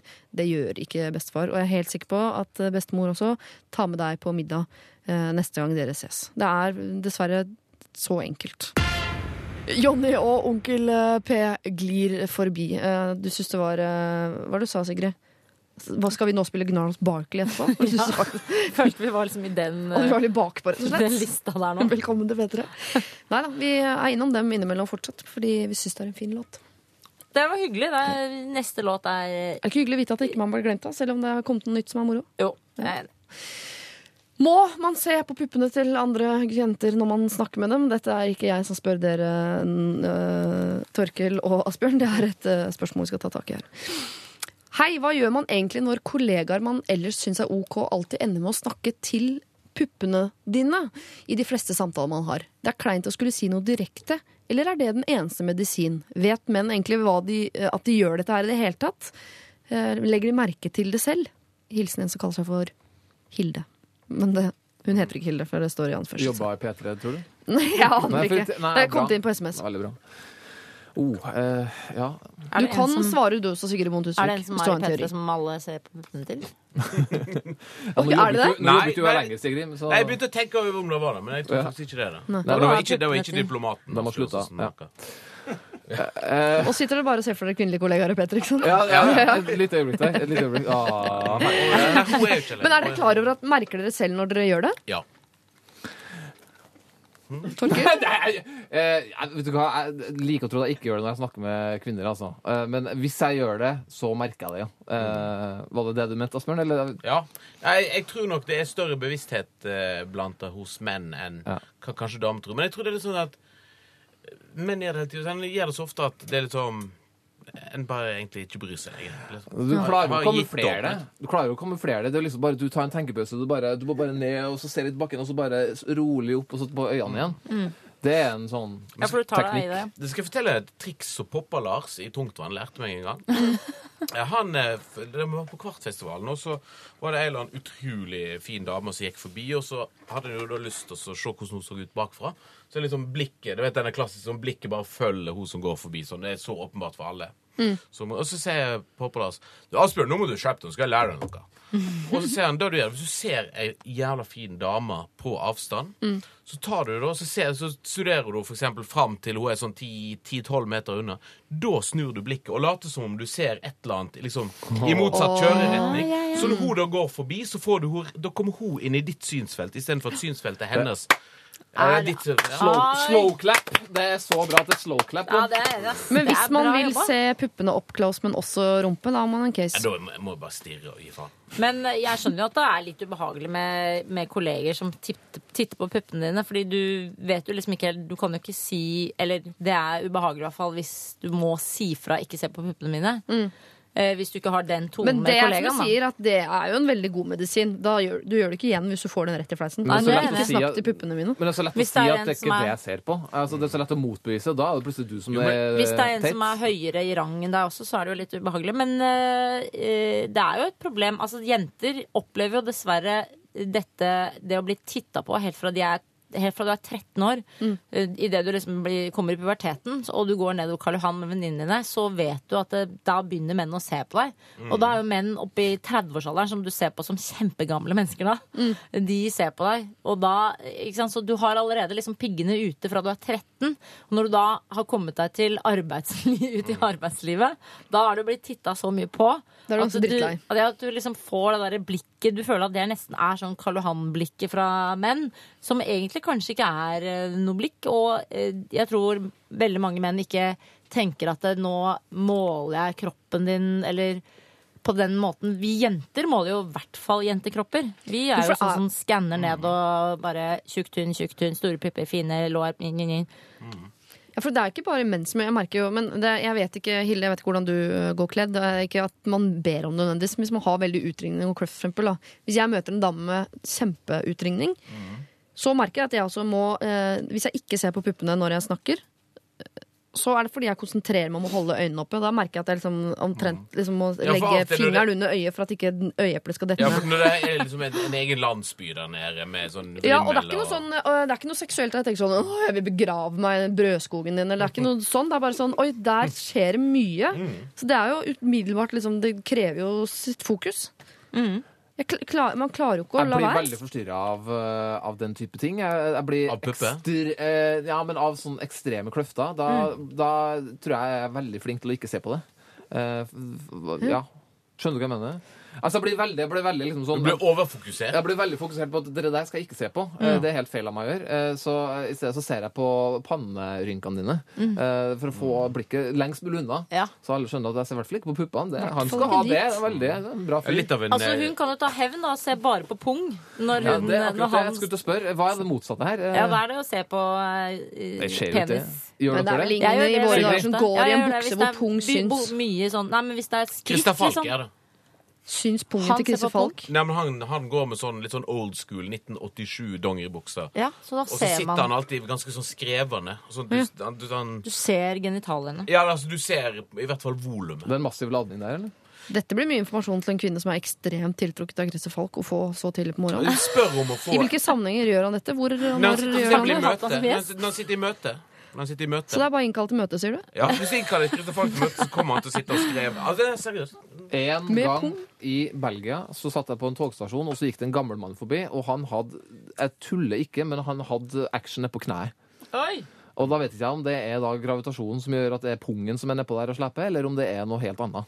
Men uh, så jeg har jo vært der at jeg har liksom sånn gløtta på uh, herreskritt sjøl. Ja, I, altså. i. Belgia. I, ja, Det er litt Belgia, riktignok. Selvfølgelig. Der skal du selvfølgelig. ikke se på noe, forresten. Nei, men det er jo ofte litt punktrangt uh, av og til. Og da kan man jo feste blikket på, på punkt. Men eh, Mm. Så det kan man gjøre som hevn, ellers må du bare si fra. Men eh, jeg, jeg er jo i den heldige posisjonen at jeg jobber jo i, altså i musikkbransjen, og veldig mange av jentene går av og til med litt sånn hipster-T-skjorte. Eksempel med bandlogo Åh. på, eller for eksempel Brooklyn, New York. Sånn. Da kan jeg liksom, da går det an å påpeke det. Liksom. Mm. Faen, kul, kul T-skjorte. Du går ikke bort med fingeren da og tar på og sier sånn, hva står det, Eh, ja, og later som du Slayer. Svaret er nei. svarer nei. Ok, greit, jeg går videre. Eh, det eneste jeg hører her av råd, eh, Hilde, er eh, hvis kløft Kanskje dekk til litt hvis du syns det er ubehagelig å bli sett på. Se på pungen hans. eh, Mye. Ja, det er veldig største Eller selvfølgelig, hvis du tør, bare si det. Slutt å se på puppene mine, og hvis han da motviser det, så har du driti deg ut. Men det, er- det er verdt eh, å prøve, for da gjør han det i hvert fall ikke igjen, vil jeg tro. Lørdagsrådet. Veronica Maggio var det, og hennes eh, velkommen inn. Vi skal over til noe langt mindre hyggelig enn Veronica Maggio og den eh, klokkeklare og søte stemmen hennes. Eh, Stikkord Jarstein, altså fotballandslagskeeperen vår. Rune et eller annet Jarstein Hva heter han mellom Rune Almenning Jarstein. Almenning. Altså som i Almenningen. Ja, som i Rune Torgallmenningen Jarstein. Ikke sant? Eh, han har jo vært ute med kjeftamanget sitt igjen og sagt ufyselige ting, som han jo gjør sånn mm, til stadighet, egentlig. Og så eh, gjør han som han pleier å gjøre i etterkant, nemlig legger seg flat. Og det er det jeg tenkte bare kan vi gi noen generelle råd til samfunnet angående det med å legge seg flat. For det virker som om det nå har blitt en sånn jeg kan gjøre hva jeg vil, så lenge jeg legger meg flat etterpå, så er det greit. Og sønnen min på tre tror at det fungerer sånn. At han kan eh, slå alle rundt seg for eksempel i hodet med en stein, så lenge han sier unnskyld etterpå, så er det greit. Men han er tre. Jarstein og en del andre folk er jo ikke det. Er det kan vi få, hvordan skal vi få disse menneskene til å skjønne at Det er ikke bare å legge seg flat. Du må Altså, med, med mindre du mener det, så skal ikke du legge deg flat. Altså, Når du ser eksempel Rune Jarstein, når han eh, ut av kjeften hans så kommer ordene 'unnskyld', men øynene hans bare lyser. 'Jeg hater dere alle sammen'. Ja. Eh, og jeg angrer ikke på en eneste ting av det jeg har gjort. Og han der journalisten som jeg truer med å, gi juling, han har, han har jeg fremdeles lyst å er- knuse til i trynet. Og Det eneste han angrer på, er at han ikke faktisk gjorde noe. Ja, stedet Ja, og jeg tenker at da må du ikke Altså Hvis du ikke da har kommet til en eller annen selverkjennelse da eh, om at du faktisk har gjort et eller annet galt så er det sånn, der, eh, sånn offentlig Sånn medieunnskyldning Ja. bare for eh, at du tror at det er sånn dramaturgien i hendelsesforløpet skal fungere. For å please NFF Ja, eller noe. Ja, det er det, det er sånn- bare. Da, da er det mye bedre å si liksom si, ja, For eksempel Jon Arne Riise. da, Si at nei, jeg sier ikke unnskyld for noe. Jeg mener fremdeles at navnet mitt skal stå på denne forbanna statuen i Ålesund. Men- Jeg har, skjønner jo har, den- da har den kommet ut på topp, da. Du ser jo at Rune Almenning Larsen har en uh, medierådgivers pistol mot tinninga når Ja. han uh, sier unnskyld, og at uh, altså, altså, det er liksom sånn Han, han var knallhard. Han bare pælma headset i TV 2 sine Eller TV 2 sine headset i veggen, og Ja. han bare skulle banke opp fotografer. Altså, han var jo liksom helt plutselig Oi, jeg var lite møte med noen medierådgivere, så jeg liksom bare Forresten, unnskyld, eh, folkens. eh, For han har ikke lagt seg flat. Han har jo blitt pressa flat av en Da får jo annen han til å framstå som unnskyld uttrykket, men en god gammeldags pussy. da. Ja. For det betyr at med en gang de, som de voksne kommer på banen og sier unnskyld, men her, her må du legge deg flat. sånn, Ja, OK. Kunne ikke han sagt til deg, da? Nå, kunne ikke han sagt til rådgiverne nå skal dere faen meg ta og holde kjeft. Her, Nå er det jeg som styrer showet her. Det- TV 2 behandler meg ufint. Jeg knuste headsetet. Jeg kan gjerne betale det. Jeg har så masse penger likevel. Eh, og jeg har fremdeles lyst til å banke opp han der eh, journalisten, men jeg sier ikke unnskyld. Drit i det. Det er mye Hadde vi likt det bedre? Ja. Ja. Fordi vi har litt sjelden sånne ting. Det er jo det vi har ikke politikere som tråkker eh, over noe, noen grenser. Mm. Og vi har veldig Det er jo et ekstremt korrekt folkeslag. Det er veldig sjelden det er kriser. Og er Jon Arne er jo den beste på disse krisene. Altså, han er, man, man husker han jo for evig alltid, med SMS-er og alt mulig. Så man, Mm. det brenner seg inn, da. Og han er en cocky fyr. Han er jo til og med fra Ålesund, som jo Da har du lov til å være cocky, mener jeg. Altså, det er, det er oppløft og. Ja, det er langt inn i risfamilien skal det være en kødd. Og da er det så dumt når du ber om unnskyldning, fordi jeg tror han vinner på å være, eh, Kjøre personligheten sin helt ut. Ja, Ja, for at for det når, ble ser så svakt ut. Ser ut som folk har lagt seg oppå ham for at han skal legge seg flat. Ja. altså, det som er greia er at de framstår bitre over at de må si unnskyld. Og det, hvis det er én ting som er ukledelig i offentligheten, så er det bitterhet. Men det skal- bitterhet, bitterhet funker aldri. Det skal også sies, det fungerer jo veldig godt eh, å, legge seg flat også for For da har du lagt det dødt. Ja, for opinionen, på en måte, har jeg inntrykk av liksom sånn akseptere Det er i hvert fall veldig mange som aksepterer folk som legger seg flat med en gang. Ja, men Altså, hvor mange ganger? Hvor Ekstremt lenge da? Ekstremt mye hat mot, uh, mot Plumbo, for eksempel. Eh, Ja. Og så er jeg liksom bare Å, uh, unnskyld, og jeg liksom bare litt bilde med Chave. Så er jeg liksom bare Vi elsker dere! Vi får ikke nok av dere. Uh, det- Kan du danse i programmet resten av våren høsten? Vi må ha mye uh, av deg eh, nå. Og det, det, det fungerer, jeg syns det fungerer. Jeg synes det er for lett å legge seg flat og plutselig bare han er en angrende synder. Jeg trykker den til mitt bryst. Selv om eh, vi, vi ser at det er ufrivillig, eh, så, så er det for mange som kjøper folk som legger seg flat. Synes Ja, jeg. jeg er nesten enig. i så Jeg syns ikke det er for lett å legge seg flat. Jeg synes det er for lett altså, det, er jo, Det fungerer for bra. det er lett å legge seg flat, men det, jeg syns det er dumt at man godtar det som en unnskyldning. For noen legger seg flat så ofte at de burde egentlig bare blitt liggende. Man rekker jo ikke å reise seg opp mellom hver nye runde. Jeg Hadde noen gjort noe grusomt med det jeg har lagt meg flat, så hadde jeg sagt kom deg på beina igjen og forklar hvorfor du gjorde det du gjorde. Mm. Og la meg få dulte deg litt i ansiktet. Er greit? Jeg vil jo heller det. Jeg syns ikke det skal fungere å legge seg flat. Jeg synes ikke det skal være liksom en At det er lov. Det fungerer jo når, ikke på folk ligger der nede, så må du ha lov til å spørre Unnskyld, men hvorfor ligger du flat nede på bakken. Men altså, hvis du får rødt kort på fotballbanen, så er det liksom du er ferdig med kampen. Det burde ha vært en slags sånn mediekarantene på flathet. På, på flathet. Altså, innenfor andre bransjer også, innenfor musikk. Uh, ja, folk som har begått store tabber, skal liksom ut en stund. Men For å gjøre dette her til en deilig sånn sirkelsamtale, så avslutt med, med Jarstein. Han eh, legger seg flat hele tiden, gjør det ganske dårlig sånn, som menneske i samfunnet, og er jo ikke så flink på banen heller. Har lett vært at han bare la seg flat generelt et annet sted, eller? Han kunne, ta, han kunne gitt seg sjøl en, en liten pause. Han kunne frøst seg ned i et år. fryste seg ned. Mm, Jeg rett med noen bisser og noe greier nede i Hollywood, og så ventet på en eller annen Ja, eh, gikk- kur for ja. ræva personlighet. Eller nei, bare, nei, men bare tatt, et pause, tatt en liten pause, sånn at vi har blitt, blitt ferdig med han i en liten periode. Så Så, kunne vi komme tilbake. Kvalifisert til VM først. Ja, for Så kan en uh, vurdere å ta på seg hanskene. Eller slå ordentlig til han fotografen neste gang. Ja. Noe sånt. Bedre Ikke bare true, liksom. En dose gode råd der angående det å legge seg flat, hvis det er noen som har det på tapetet nå de neste dagene. Ikke gjør det. Bare ta spiss personligheten din og stå for Hvis du er ræva fyr, så bare stå for det. rett og slett. Ja, det, det, det, det. det er som han eh, Krølltoppen sang. What are words if you really don't mean them when you say them? Åh. Vet du hva, Nå hadde jeg tenkt å gå kjæreste i videre, men stopp sånn, opp. Siterer vi nå Han Chris Chris Medina. Med, Siterer Chris Medina, er vi Ja, der? ja, ja. Er vi der, ja? Okay. Det er da- lørdag. Alltid lov i. Jeg trodde du snakka om. Øyvind Fjelle. Onkelen til uh, Chris Medina. OK, Lemetre, dere får redde oss litt her, altså. Time to realize. Lørdagsrådet på P3. Marit Larsen og Under the Surface før det Lemaitre og Time to Realize. NRK Super og NRK Nett og NRK og NRK og NRKs Torkel Risan er her. Si noe, da! Ja, eh, det er bare- ja, takk. Jeg er her. Ja. Du jobber fortsatt i NRK Super? Uh, nei, eh, egentlig ikke, altså. Nå, Er du i- nå jobber jeg sammen med deg, Siri. Ah, Er vi kollegaer nå? Ja, nå Er vi kollegaer? Ja, Så jævlig hyggelig. ja. Velkommen om bord. ferdig med det. NRK Livsvisdom. Ja, jeg over i protokollavdelinga hvis alt går etter planen. En Stilig. annen eh, kollega, Asbjørn Slettemark, da i musikkavdelingen borti gangen her. Mm. Hyggelig. Ja, kjempehyggelig. Ekskollega Sigrid Hoen Dusvik. Det er veldig NRK-tungt eh, her i dag. Ja, ja, ja. For du føler fortsatt at du har, hjertet ditt ligger i NRK? Hjertet ligger til NRK, men eh, det er ikke plass. Nei. Så du må av og til være i TV 2. Du er for pen til å jobbe i NRK. Her skal du helst se litt sånn godslig ut. Sånn her De har andre rimmen, og da er det bare plass til én med sånn blond Men du kunne kalt. Sporten eller Nei, det er det. Nei. Her treng... Nei, nå holdt jeg på å si Nå skal jeg stoppe. OK. Folkens, hyggelig at dere er her, altså. Men jeg, jeg, noen ganger glemmer jeg at vi er på radio. Da blir jeg, kan jeg si stygge ting. Ja. Det skal jeg ikke gjøre. Mm, vi skal over til kjærlighet. For det er en eh, gutt her som er eh, veldig veldig forelska i dama si. Det er veldig søtt. Men dessverre så jobber han på båt. Hei, jeg jobber med båt og er ute en måned av gangen og savner dama noe helt for jævlig. Forferdelig står det her, faktisk.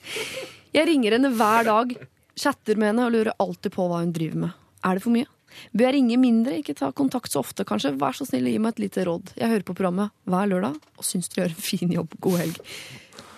Altså, han er borte en måned av gangen, og ringer han hver dag hjem til kjæresten sin. Nei, Det skjønner jeg at du ringer mye? hver dag. Selvfølgelig. Jeg ringer hver dag til Martin selv om jeg skal se ham på ettermiddagen. Ja, samme her. Jeg, Altså, jeg, sender en tekstmelding og sånn Facebook-chatting til kjæresten min når jeg er på jobb hele tiden. og jeg jobber sammen med kona. Altså, hun sitter fysisk Jeg kødder ikke, sitter under ti meter unna meg. Allikevel så rekker jeg å ringe henne i løpet av dagen. Og vi går sammen til jobb, og går sammen fra jobb. Og jeg ringer henne.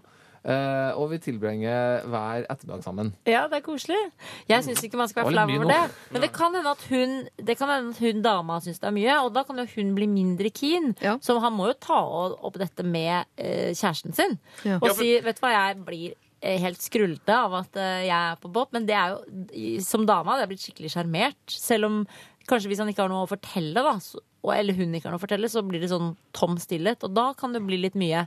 Man bør ha noe å si, eller Ja, for Når man ser hverandre hver dag, så har man jo noe, å si til hverandre hver dag. Også på telefonen sånn 'Når kommer du hjem?' eller 'Hva skal vi spise?' Eller, altså. Ja, Men når du men er, ellers- er på en båt, og det eneste som har skjedd den dagen, er liksom du har fanga en fisk eller ikke fanga en fisk eller, altså, Det er ikke så mye å ringe hjem om. Og hvis du ringer hver dag for å proklamere sånn 'Du er fantastisk, jeg elsker deg', og du får den hver dag, Men- så er det litt hvis- mye. Men hvis han føler han ikke har så seg, så kan han begynne Han kan begynne med sånn Kon-Tiki-aktig rollespill. Det er han later som han er Tor Heyerdahl.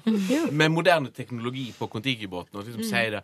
Og sånn Klarer så vidt å komme gjennom til henne på Skype eller på chatting. Og sånn, og sånn «Pjo, Og så nå er jeg glad i livet, sånn. for i dag, i dag har jeg nettopp skåret opp magen på en hvithai som eh, hopper om bord på, på dekket her. Og sånt. Da må du si sånn 'jeg kommer ikke hjem til jul' og sånn. Da blir hun kjempelei seg. Ja, som- Snart ser vi land. I dag så vi en fugl. Det- Men Han hørtes ut som en koselig gutt. Men det er, det er noe morsomt med dere dag 27 på rad. Liksom bare 'Jeg elsker deg så sjukt mye'. Du er så nydelig dame. Det, det, er, noe, det er noe morsomt over den derre endeløse brønnen av kjærlighetserklæringer han Men er det, er det ikke en grunn til at han spør om det er for mye? Da føler jeg at da har han fått Ja. en en liten Det er en liten fugl som har eh, kvitra et eller annet om at ikke du eh, kan- Litt mye nå. Kanskje han sjøl er redd for at hun skal synes det er for masse? Ja, ikke sant? Ja. Det, er rett for det, det er jo ingenting her som antyder at hun har sagt at hun syns dette er et problem. Synes spør. At er kanskje, kanskje han tror at han skal leve opp etter noen sånn vanlige normer om at en skal være litt sånn hard to get. At en ikke, ikke skal hengi seg fullstendig. Jeg syns det er søtt og sjarmerende. Jeg, Ja. jeg hører egentlig ikke en problemstilling inni. Nei, Det er jo kanskje de andre guttene på båten som eh, Eller nå tipper jeg at det er gutter som jobber på den båten, her, at eh, Ja. de kanskje syns at han, eh, han blir kalt en pussy mm. når de står og trekker opp nota, liksom. Eh, Men altså, jeg syns det der høres sunt og koselig ut. Jeg synes det er et fint og sunt og godt forhold. Og Ja. hvis han syns det er den riktige måten å erklære sin kjærlighet til sin kjæreste på, og hun ikke har gitt noen signaler om at hun syns det er helt hakkende gale, og at han er, er psycho, syns jeg bare kjører på. Ring oftere, sier jeg. Jeg er veldig glad for at du sier det, for det skulle vært rart å sitte her i Lørdagsrådet og si nei, det blir for mye kjærlighet, stopp toget vi vil ha. Altså, her, eh, vi er vel helt enige om å kjøre på. Men man på. må høre med henne. For hvis hun sier 'vet du hva, nå orker jeg ikke mer' Hvis hun er begynner å brekke seg i andre Da enden. kommer han til å dø. Kastes ut. Han og- kan jo vurdere å på en måte stoppe båten og gå av eh, og få seg en jobb på land. Er det, gitt? Eh, det er noe han kan vurdere. eh, Nei, det er ikke sånn det er Må deilig du å jobbe kjenne på på båt, så må du jobbe på båt. Det er ikke masse da å gjøre inne i fjorden. Nei, det, det er ikke det. Du, Sikkert kan veldig mye om Ja, fiskenæringen. Vi vet ikke om han driver med Kan være han jobber som, uh, som eh, servitør på DFDS Seaways. Det vet du ikke. kan være at han jobber i sånn uh, amerikansk narkopoliti som patruljerer områdene utenfor Mellom-Amerika. Det er. Det kan han bli. Så spennende. kan Generelt være godt tips. allerede, det vet vi ikke. Ja, det vet vi ikke.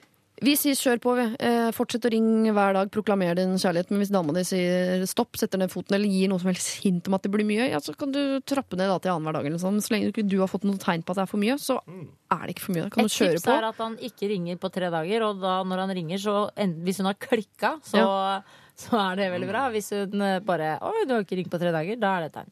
Da er det et tegn. Eller Tenker at en bare skal, Når en er forelska i noen, skal bare oppføre seg sånn som føles naturlig for en sjøl. Ikke prøve å oppfylle noe sånn hvordan en tror at andre kanskje vil at det skal være. Da kommer, det går ikke i lengden. akkurat den setningen der må du gjerne ta opp spillet om og om igjen, for det er et generelt godt råd til alle som har sendt inn problemer hit eh, i dag, faktisk. Lørdagsrådet. Lana Del Rey var det der, og hennes eh, Born to Die.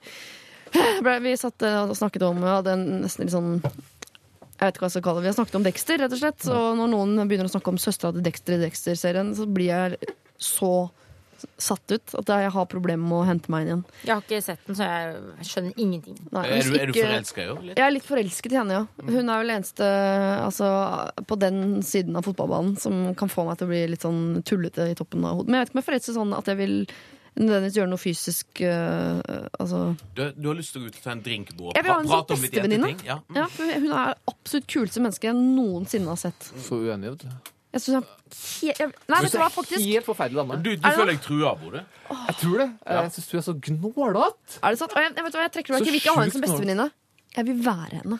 Hvis jeg kunne ha byttet Hvis noen sa sånn Jeg har en pille, du kan ta den, og da blir du henne. Utseende, altså, da blir du henne. Så har jeg sagt Du ser jo ut som en hest. Ja. Ok, jeg må se Nei, det. så, Jeg må se hun er så fin på en sånn quirky måte. Jeg, er- jeg, jeg digger henne. Altså. jeg også elsker henne. Hardt. Nøytral.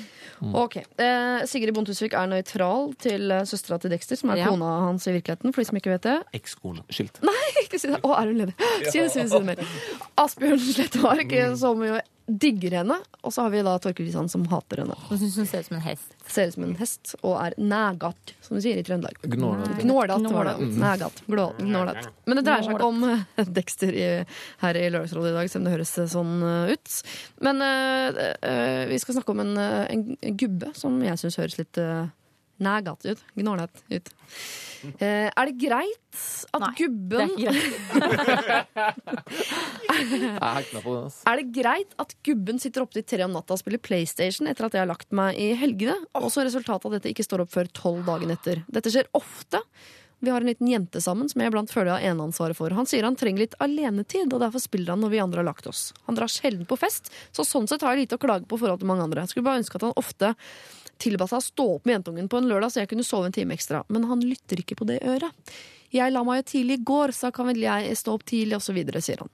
Vi har det ellers bra, altså, og han er flink med dattera vår. Men hva kan jeg si så han forstår hva jeg mener? Jeg har tatt det opp før, han sier han eh, ikke skjønner det, eh, og han blir ikke bedre.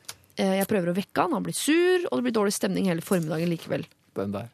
Blir jeg sur, blir jeg ikke tatt på alvor, osv. Hilsen morgenfull. Altså, her har vi en uh, Unnskyld språket, en typisk mann som sitter oppe og spiller PlayStation til tre på natta hver eneste helg. Ja, for det Står er for det meste bare menn som sitter og spiller Menn PlayStation. Ja, menn som driver med sånt. Ja. Hva har dere å si til deres Jesus Christ. forsvar, Asbjørn og Torkel? Altså, jeg, jeg tenker jo enkelt og greit helt om natten, helt om dagen. Enig. Er du superwasted og knipser ecstasy til klokka fem på morgenkvisten, så skal du allikevel ta ansvar klokka Kvart ni over fem. på morgenen. Ja, ja, ja. ja, ja. Ja, For du tror barn står opp ni, ikke sant? Eller ja står på som fem-seks, Jo, men skjønner du. altså, Ja, ja. Okay, fem, jo, men altså, ta et ansvar, da. Ja. Altså, Hvis du har lyst til å sitte oppe og drive med det som i min verden er barneaktiviteter, som å spille dataspill og sånt. Enig. Ehm, eller ungdomsaktiviteter, som eksempel når du er voksen, så går du ut og drikker deg drita full. Mm. Så er jo det en slags, eh, en slags sånn flashback til ungdomstilværelsen. Så må du også ta litt ansvar, da. Og hvis da din samboer eller din kjæreste eller kone eller hva det er, syns at dette her er litt masse, så må du ta litt ansvar for det. Kommer du opp tidlig på morgenkvisten. Hvordan skal du få han til å skjønne det? Fordi det, Det er hun er jo en med oss Hun i må kaste PlayStation hans. Det er den eneste måten. Jeg tenker sånn Det, det er eh, litt eh, det er, Man må skjønne hvor dumt det ser ut. Liksom, at du er voksen mann, du har unge og du spiller PlayStation. Det er greit. Men når du da må stå opp Skal jeg si Eh, klokka tolv. Torkel spiller PlayStation. Å ha barn. liksom. Ja, Bare han før du, hvis du har tenkt å si noe mer stygt om sånne folk. Virker jo, virker jo som han står opp dagen etter. Det ser sånn ut, ja. Ja, ser litt sånn ut, fordi du, Du ser ut som en sånn stå-opp-fyr. Jeg ser ut som en som har stått opp Ser ut som en som har stått opp i dag. Ja, men fordi altså- det er jo liksom der ABB-syndromet. Du får jo sånn derre du får en følelse av at her er det en gærning som sitter inne og bare spiller dataspill hele natta. Ja. Men det her var jo tydeligvis bare i helgene, og han kunne like godt vært møkings. Ikke sant? Han kunne vært så jævlig drita han, når han kommer hjem eh, fire om natta. Så sånn sett så sitter han jo egentlig og gjør noe snilt og ikke så veldig slemt, men han kan ikke sove til tolv fordi han spiller PlayStation. Det er, som Asbjørn sier, det er barnslig. Barnslig. Ja, jeg spiller altså da eh, Xbox 360, har en liten unge. eh, Og Xbox, da er det greit. Ja, nettopp. nettopp. Nei, jeg spiller, bare, jeg spiller kun ett spill. Jeg har bare spilt ett spill hele mitt liv, og det er Fifa. eh, Nye utgave av Fifa. da Ja. Fotballspillet. Eh, og det- det er Jeg kunne jo Jeg sitter i opp til tre, eh, og jeg står Du kan gjøre det. Nei, jeg, kan, ikke. jeg, jeg kunne kanskje gjøre det eh, før, eh, tror jeg. Så jeg. Men jeg må spille sammen med andre. da Kan ikke sitte her alene og spille. Eh, men altså, jeg syns jo virkelig at hun har mye å ta fyren på her. Eh, Ja. altså, det må jo gå an å legge spillinga til når det ikke går utover noen andre. At han vil sitte opp til tre, får være hans greie. Eh, men da må han også kunne ta ansvar. Det er, jo opplagt. Men, men at hun, har jo, hun har jo åpenbart prøvd å Hva heter vedkommende? Morgenfugl heter hun, og Morgenfugl, han heter vel ikke det, da? Ja, um, altså mo- Morgenfugl her eh, har jo åpenbart prøvd å ta opp dette flere ganger, og Mm. har jo da blitt, som hun òg sier, blitt sint, Mm. og da ikke blitt tatt på alvor. Jeg tenker jo at da har du et problem. Kutt ut, Asbjørn. Nei, men, nei, men hvis, hvis han ikke tar hun på alvor, så er det, nei, det Dette stikker faktisk kanskje litt dypere. Hun sier at vi har det fint ellers. Mm. Jeg er ikke helt sikker på det. Nei, det er ofte folk som må si fra om det. Da begynner Ja. altså, maskineriet mitt å kverne. jeg tenker at vi er litt inne i sånn korken på tannkremtuben-land her. Det må Ja. jo At dette her er bare et symbol på noe som er et kanskje litt større Det tror jeg det er alenetida hennes, som nytes Ja. best når hun ligger og sover i flere timer. Eh, den vet ikke jeg helt, altså. Og hun sier jeg føler iblant eneansvar for og så videre. Altså, Han er er, smart, hun er surere enn Han er smart, han våkner tolv akkurat når ungen skal ha sin to timer lange blund. Så han liksom slipper å ta noe ansvar før klokka blir sånn to, halv tre. Kalkulert uansvarlighet, kaller jeg det. Ja, ja, ja. Selv om jeg ikke har barn sjøl. Altså. Nei. Men som andre, Det er ingen her som egentlig henger seg opp i hva han driver med, så veldig bortsett fra at noen her mener jo at PlayStation er for unger. Eh, Så det, men det henger jo sikkert ikke Hva han driver med, får være greit. Problemet her er at han ikke bidrar dagen etter. Det, det må du gjøre når du har blitt pappa.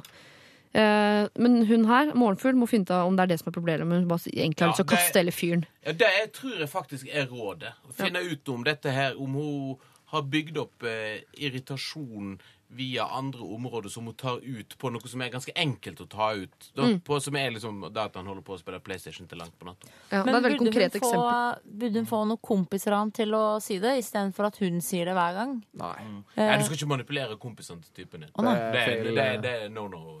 Fordi jeg tenker ofte at hvis, man, eh, hvis vi har et problem i vårt forhold, jeg og eh, han jeg bor sammen med Ja. eh, For eksempel, han sitter jo veldig mye på Twitter og er ekstremt mye på sosiale medier mens vi spiser middag med venner.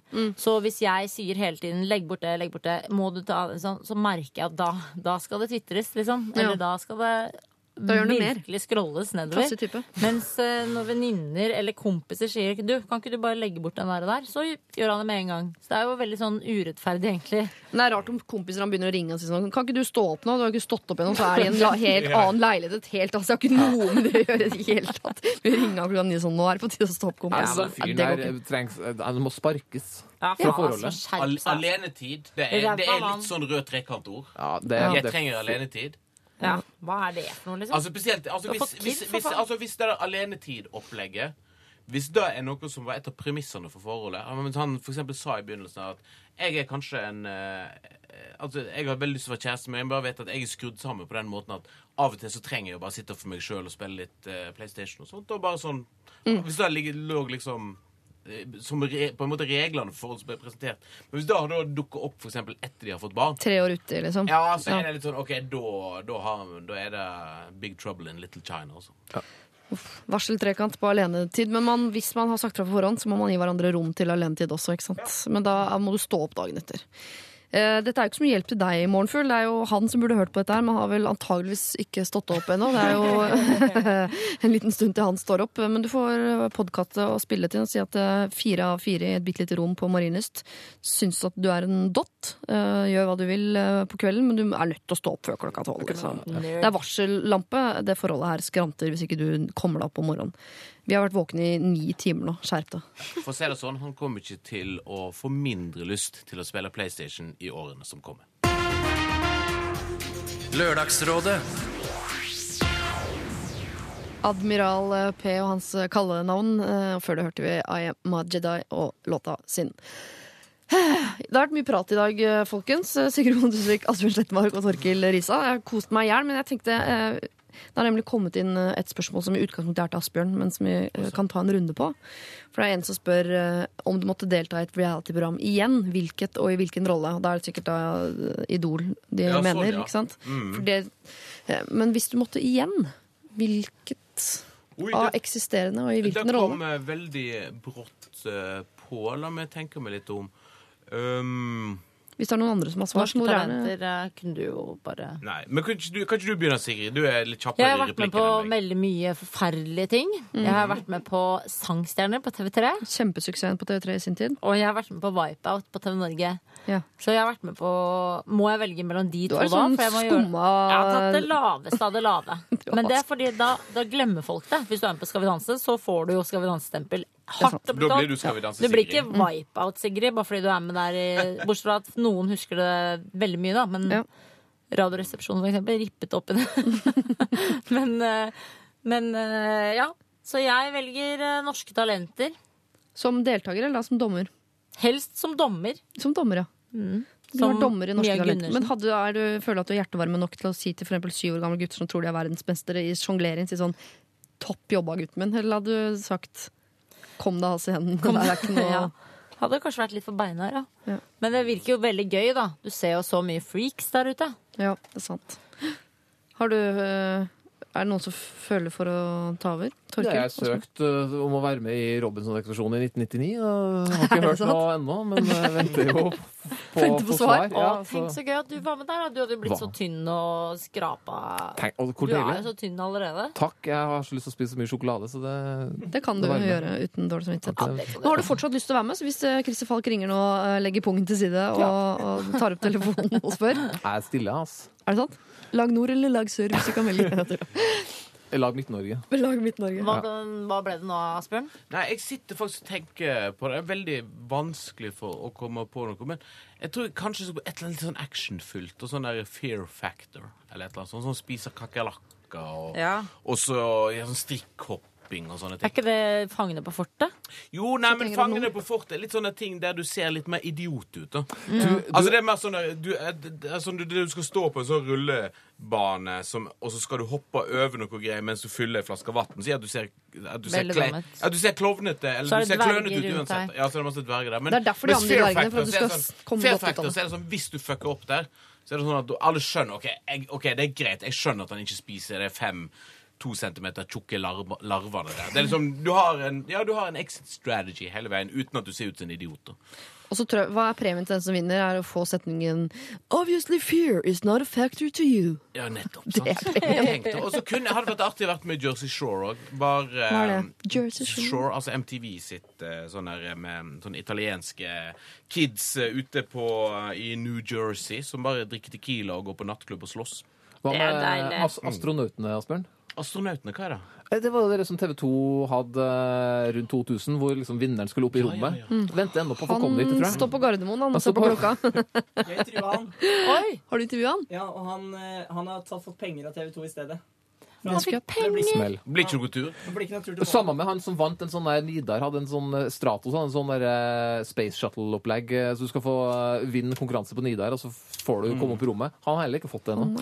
Jeg, jeg, fikk, jeg fikk en gang et tilbud som jeg vurderte å si ja til. For jeg, jeg har sagt, og i likhet med Sigrid Jeg har jo sagt nei til en del av de tingene så da Sigrid hopper opp og ned. og det sier ja for til. eksempel. Ja. Men jeg, altså, Firestjerners middag og sånne ting. Men jeg fikk en gang tilbud om å være med på Firestjerners reise. Da kunne jeg godt tenkt meg med på. Ja. Hvor skulle dere da? LA til Tokyo, med meg, Tokyo med meg og Lars Vaular og Mia Hundvin. Ja, ja. Hvorfor har Du verden sa du nei til det? Nei, jeg, jeg, jeg hadde ikke tid. Det var et eller annet jobbgreie. Et eller annet forpliktelse. Jeg får firestjerners middag hjem til meg i morgen. Oh, nei, altså ikke i morgen, men på mandag. da. Ja, du gjør det, ja? Jeg gjør faktisk det. Hva Hvem? Jeg vet, og kan, jeg, kan, jeg fortelle en, kan jeg fortelle en Firestjerners middag-tilbud jeg fikk? Ja. Vestlands spesial. Oi! Med da meg, Aspen Slettemark. Um, Tor Hild Sivertsen fra Tomboy. Hun er fortsatt aktuell, ja. Det er godt. Elin Tvedt. Oh. Og så toppa laget med Vidar Johnsen fra Vamp. Rom. Ja, Da hadde det jo Ja, vært god stemning. Vokalisten. Jeg føler at de skraper mm, bånda av bøtta nå. Eh, Når du er med? det er jeg og en eller annen dame som jeg ikke vet hvem er ennå, som helt sikkert ikke vet hvem jeg er heller. Og så er det da heldigvis Kristian Christian Strand og uh, Torbjørn Røe Isaksen. Heldigvis. to gutter i stiv skjorte. Jeg samler lørdags. Jeg har jo Men Røe. Isaksen er jo en veldig hyggelig fyr. Han, er hatt- begge to. Han har jeg hatt på besøk i Han har vært gjest i Pyro, altså hardrock-programmet vårt. Yes. Han har superpeiling på metal og gangsterrap. Nei, det er det verste jeg har hørt. Ja, ja, og så er han høyremann. Hva skjedde med han? kjøper ikke.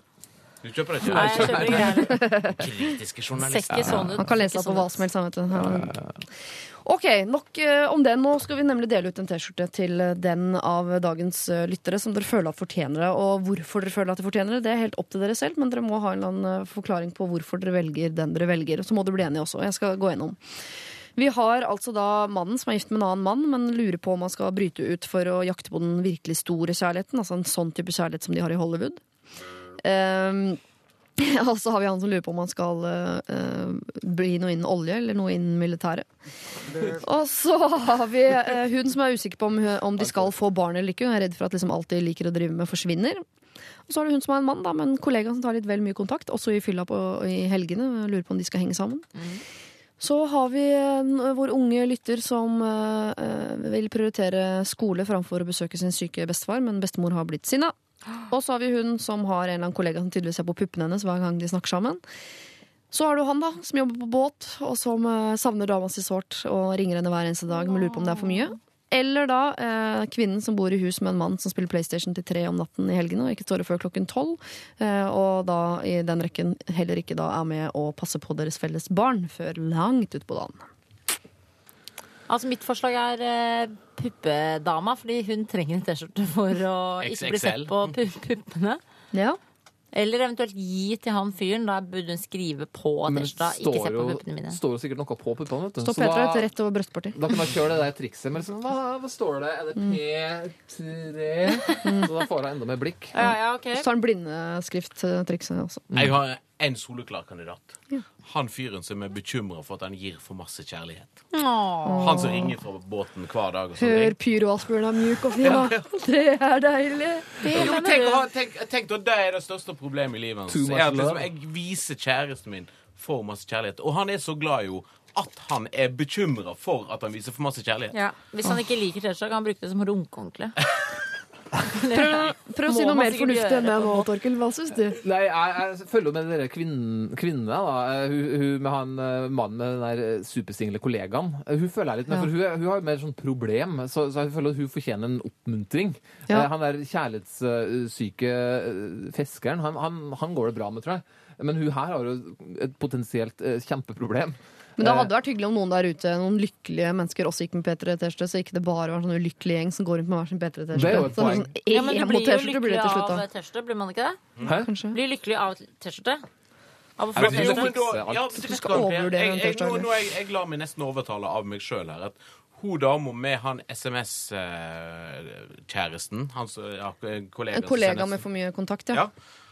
At hvis hun får den T-skjorta, Mm. så tar den plutselig på seg en dag, og så sier typen um, hvor, er- Den T-skjorta har jeg ikke sett før. Har du fått T-skjorte fra P3?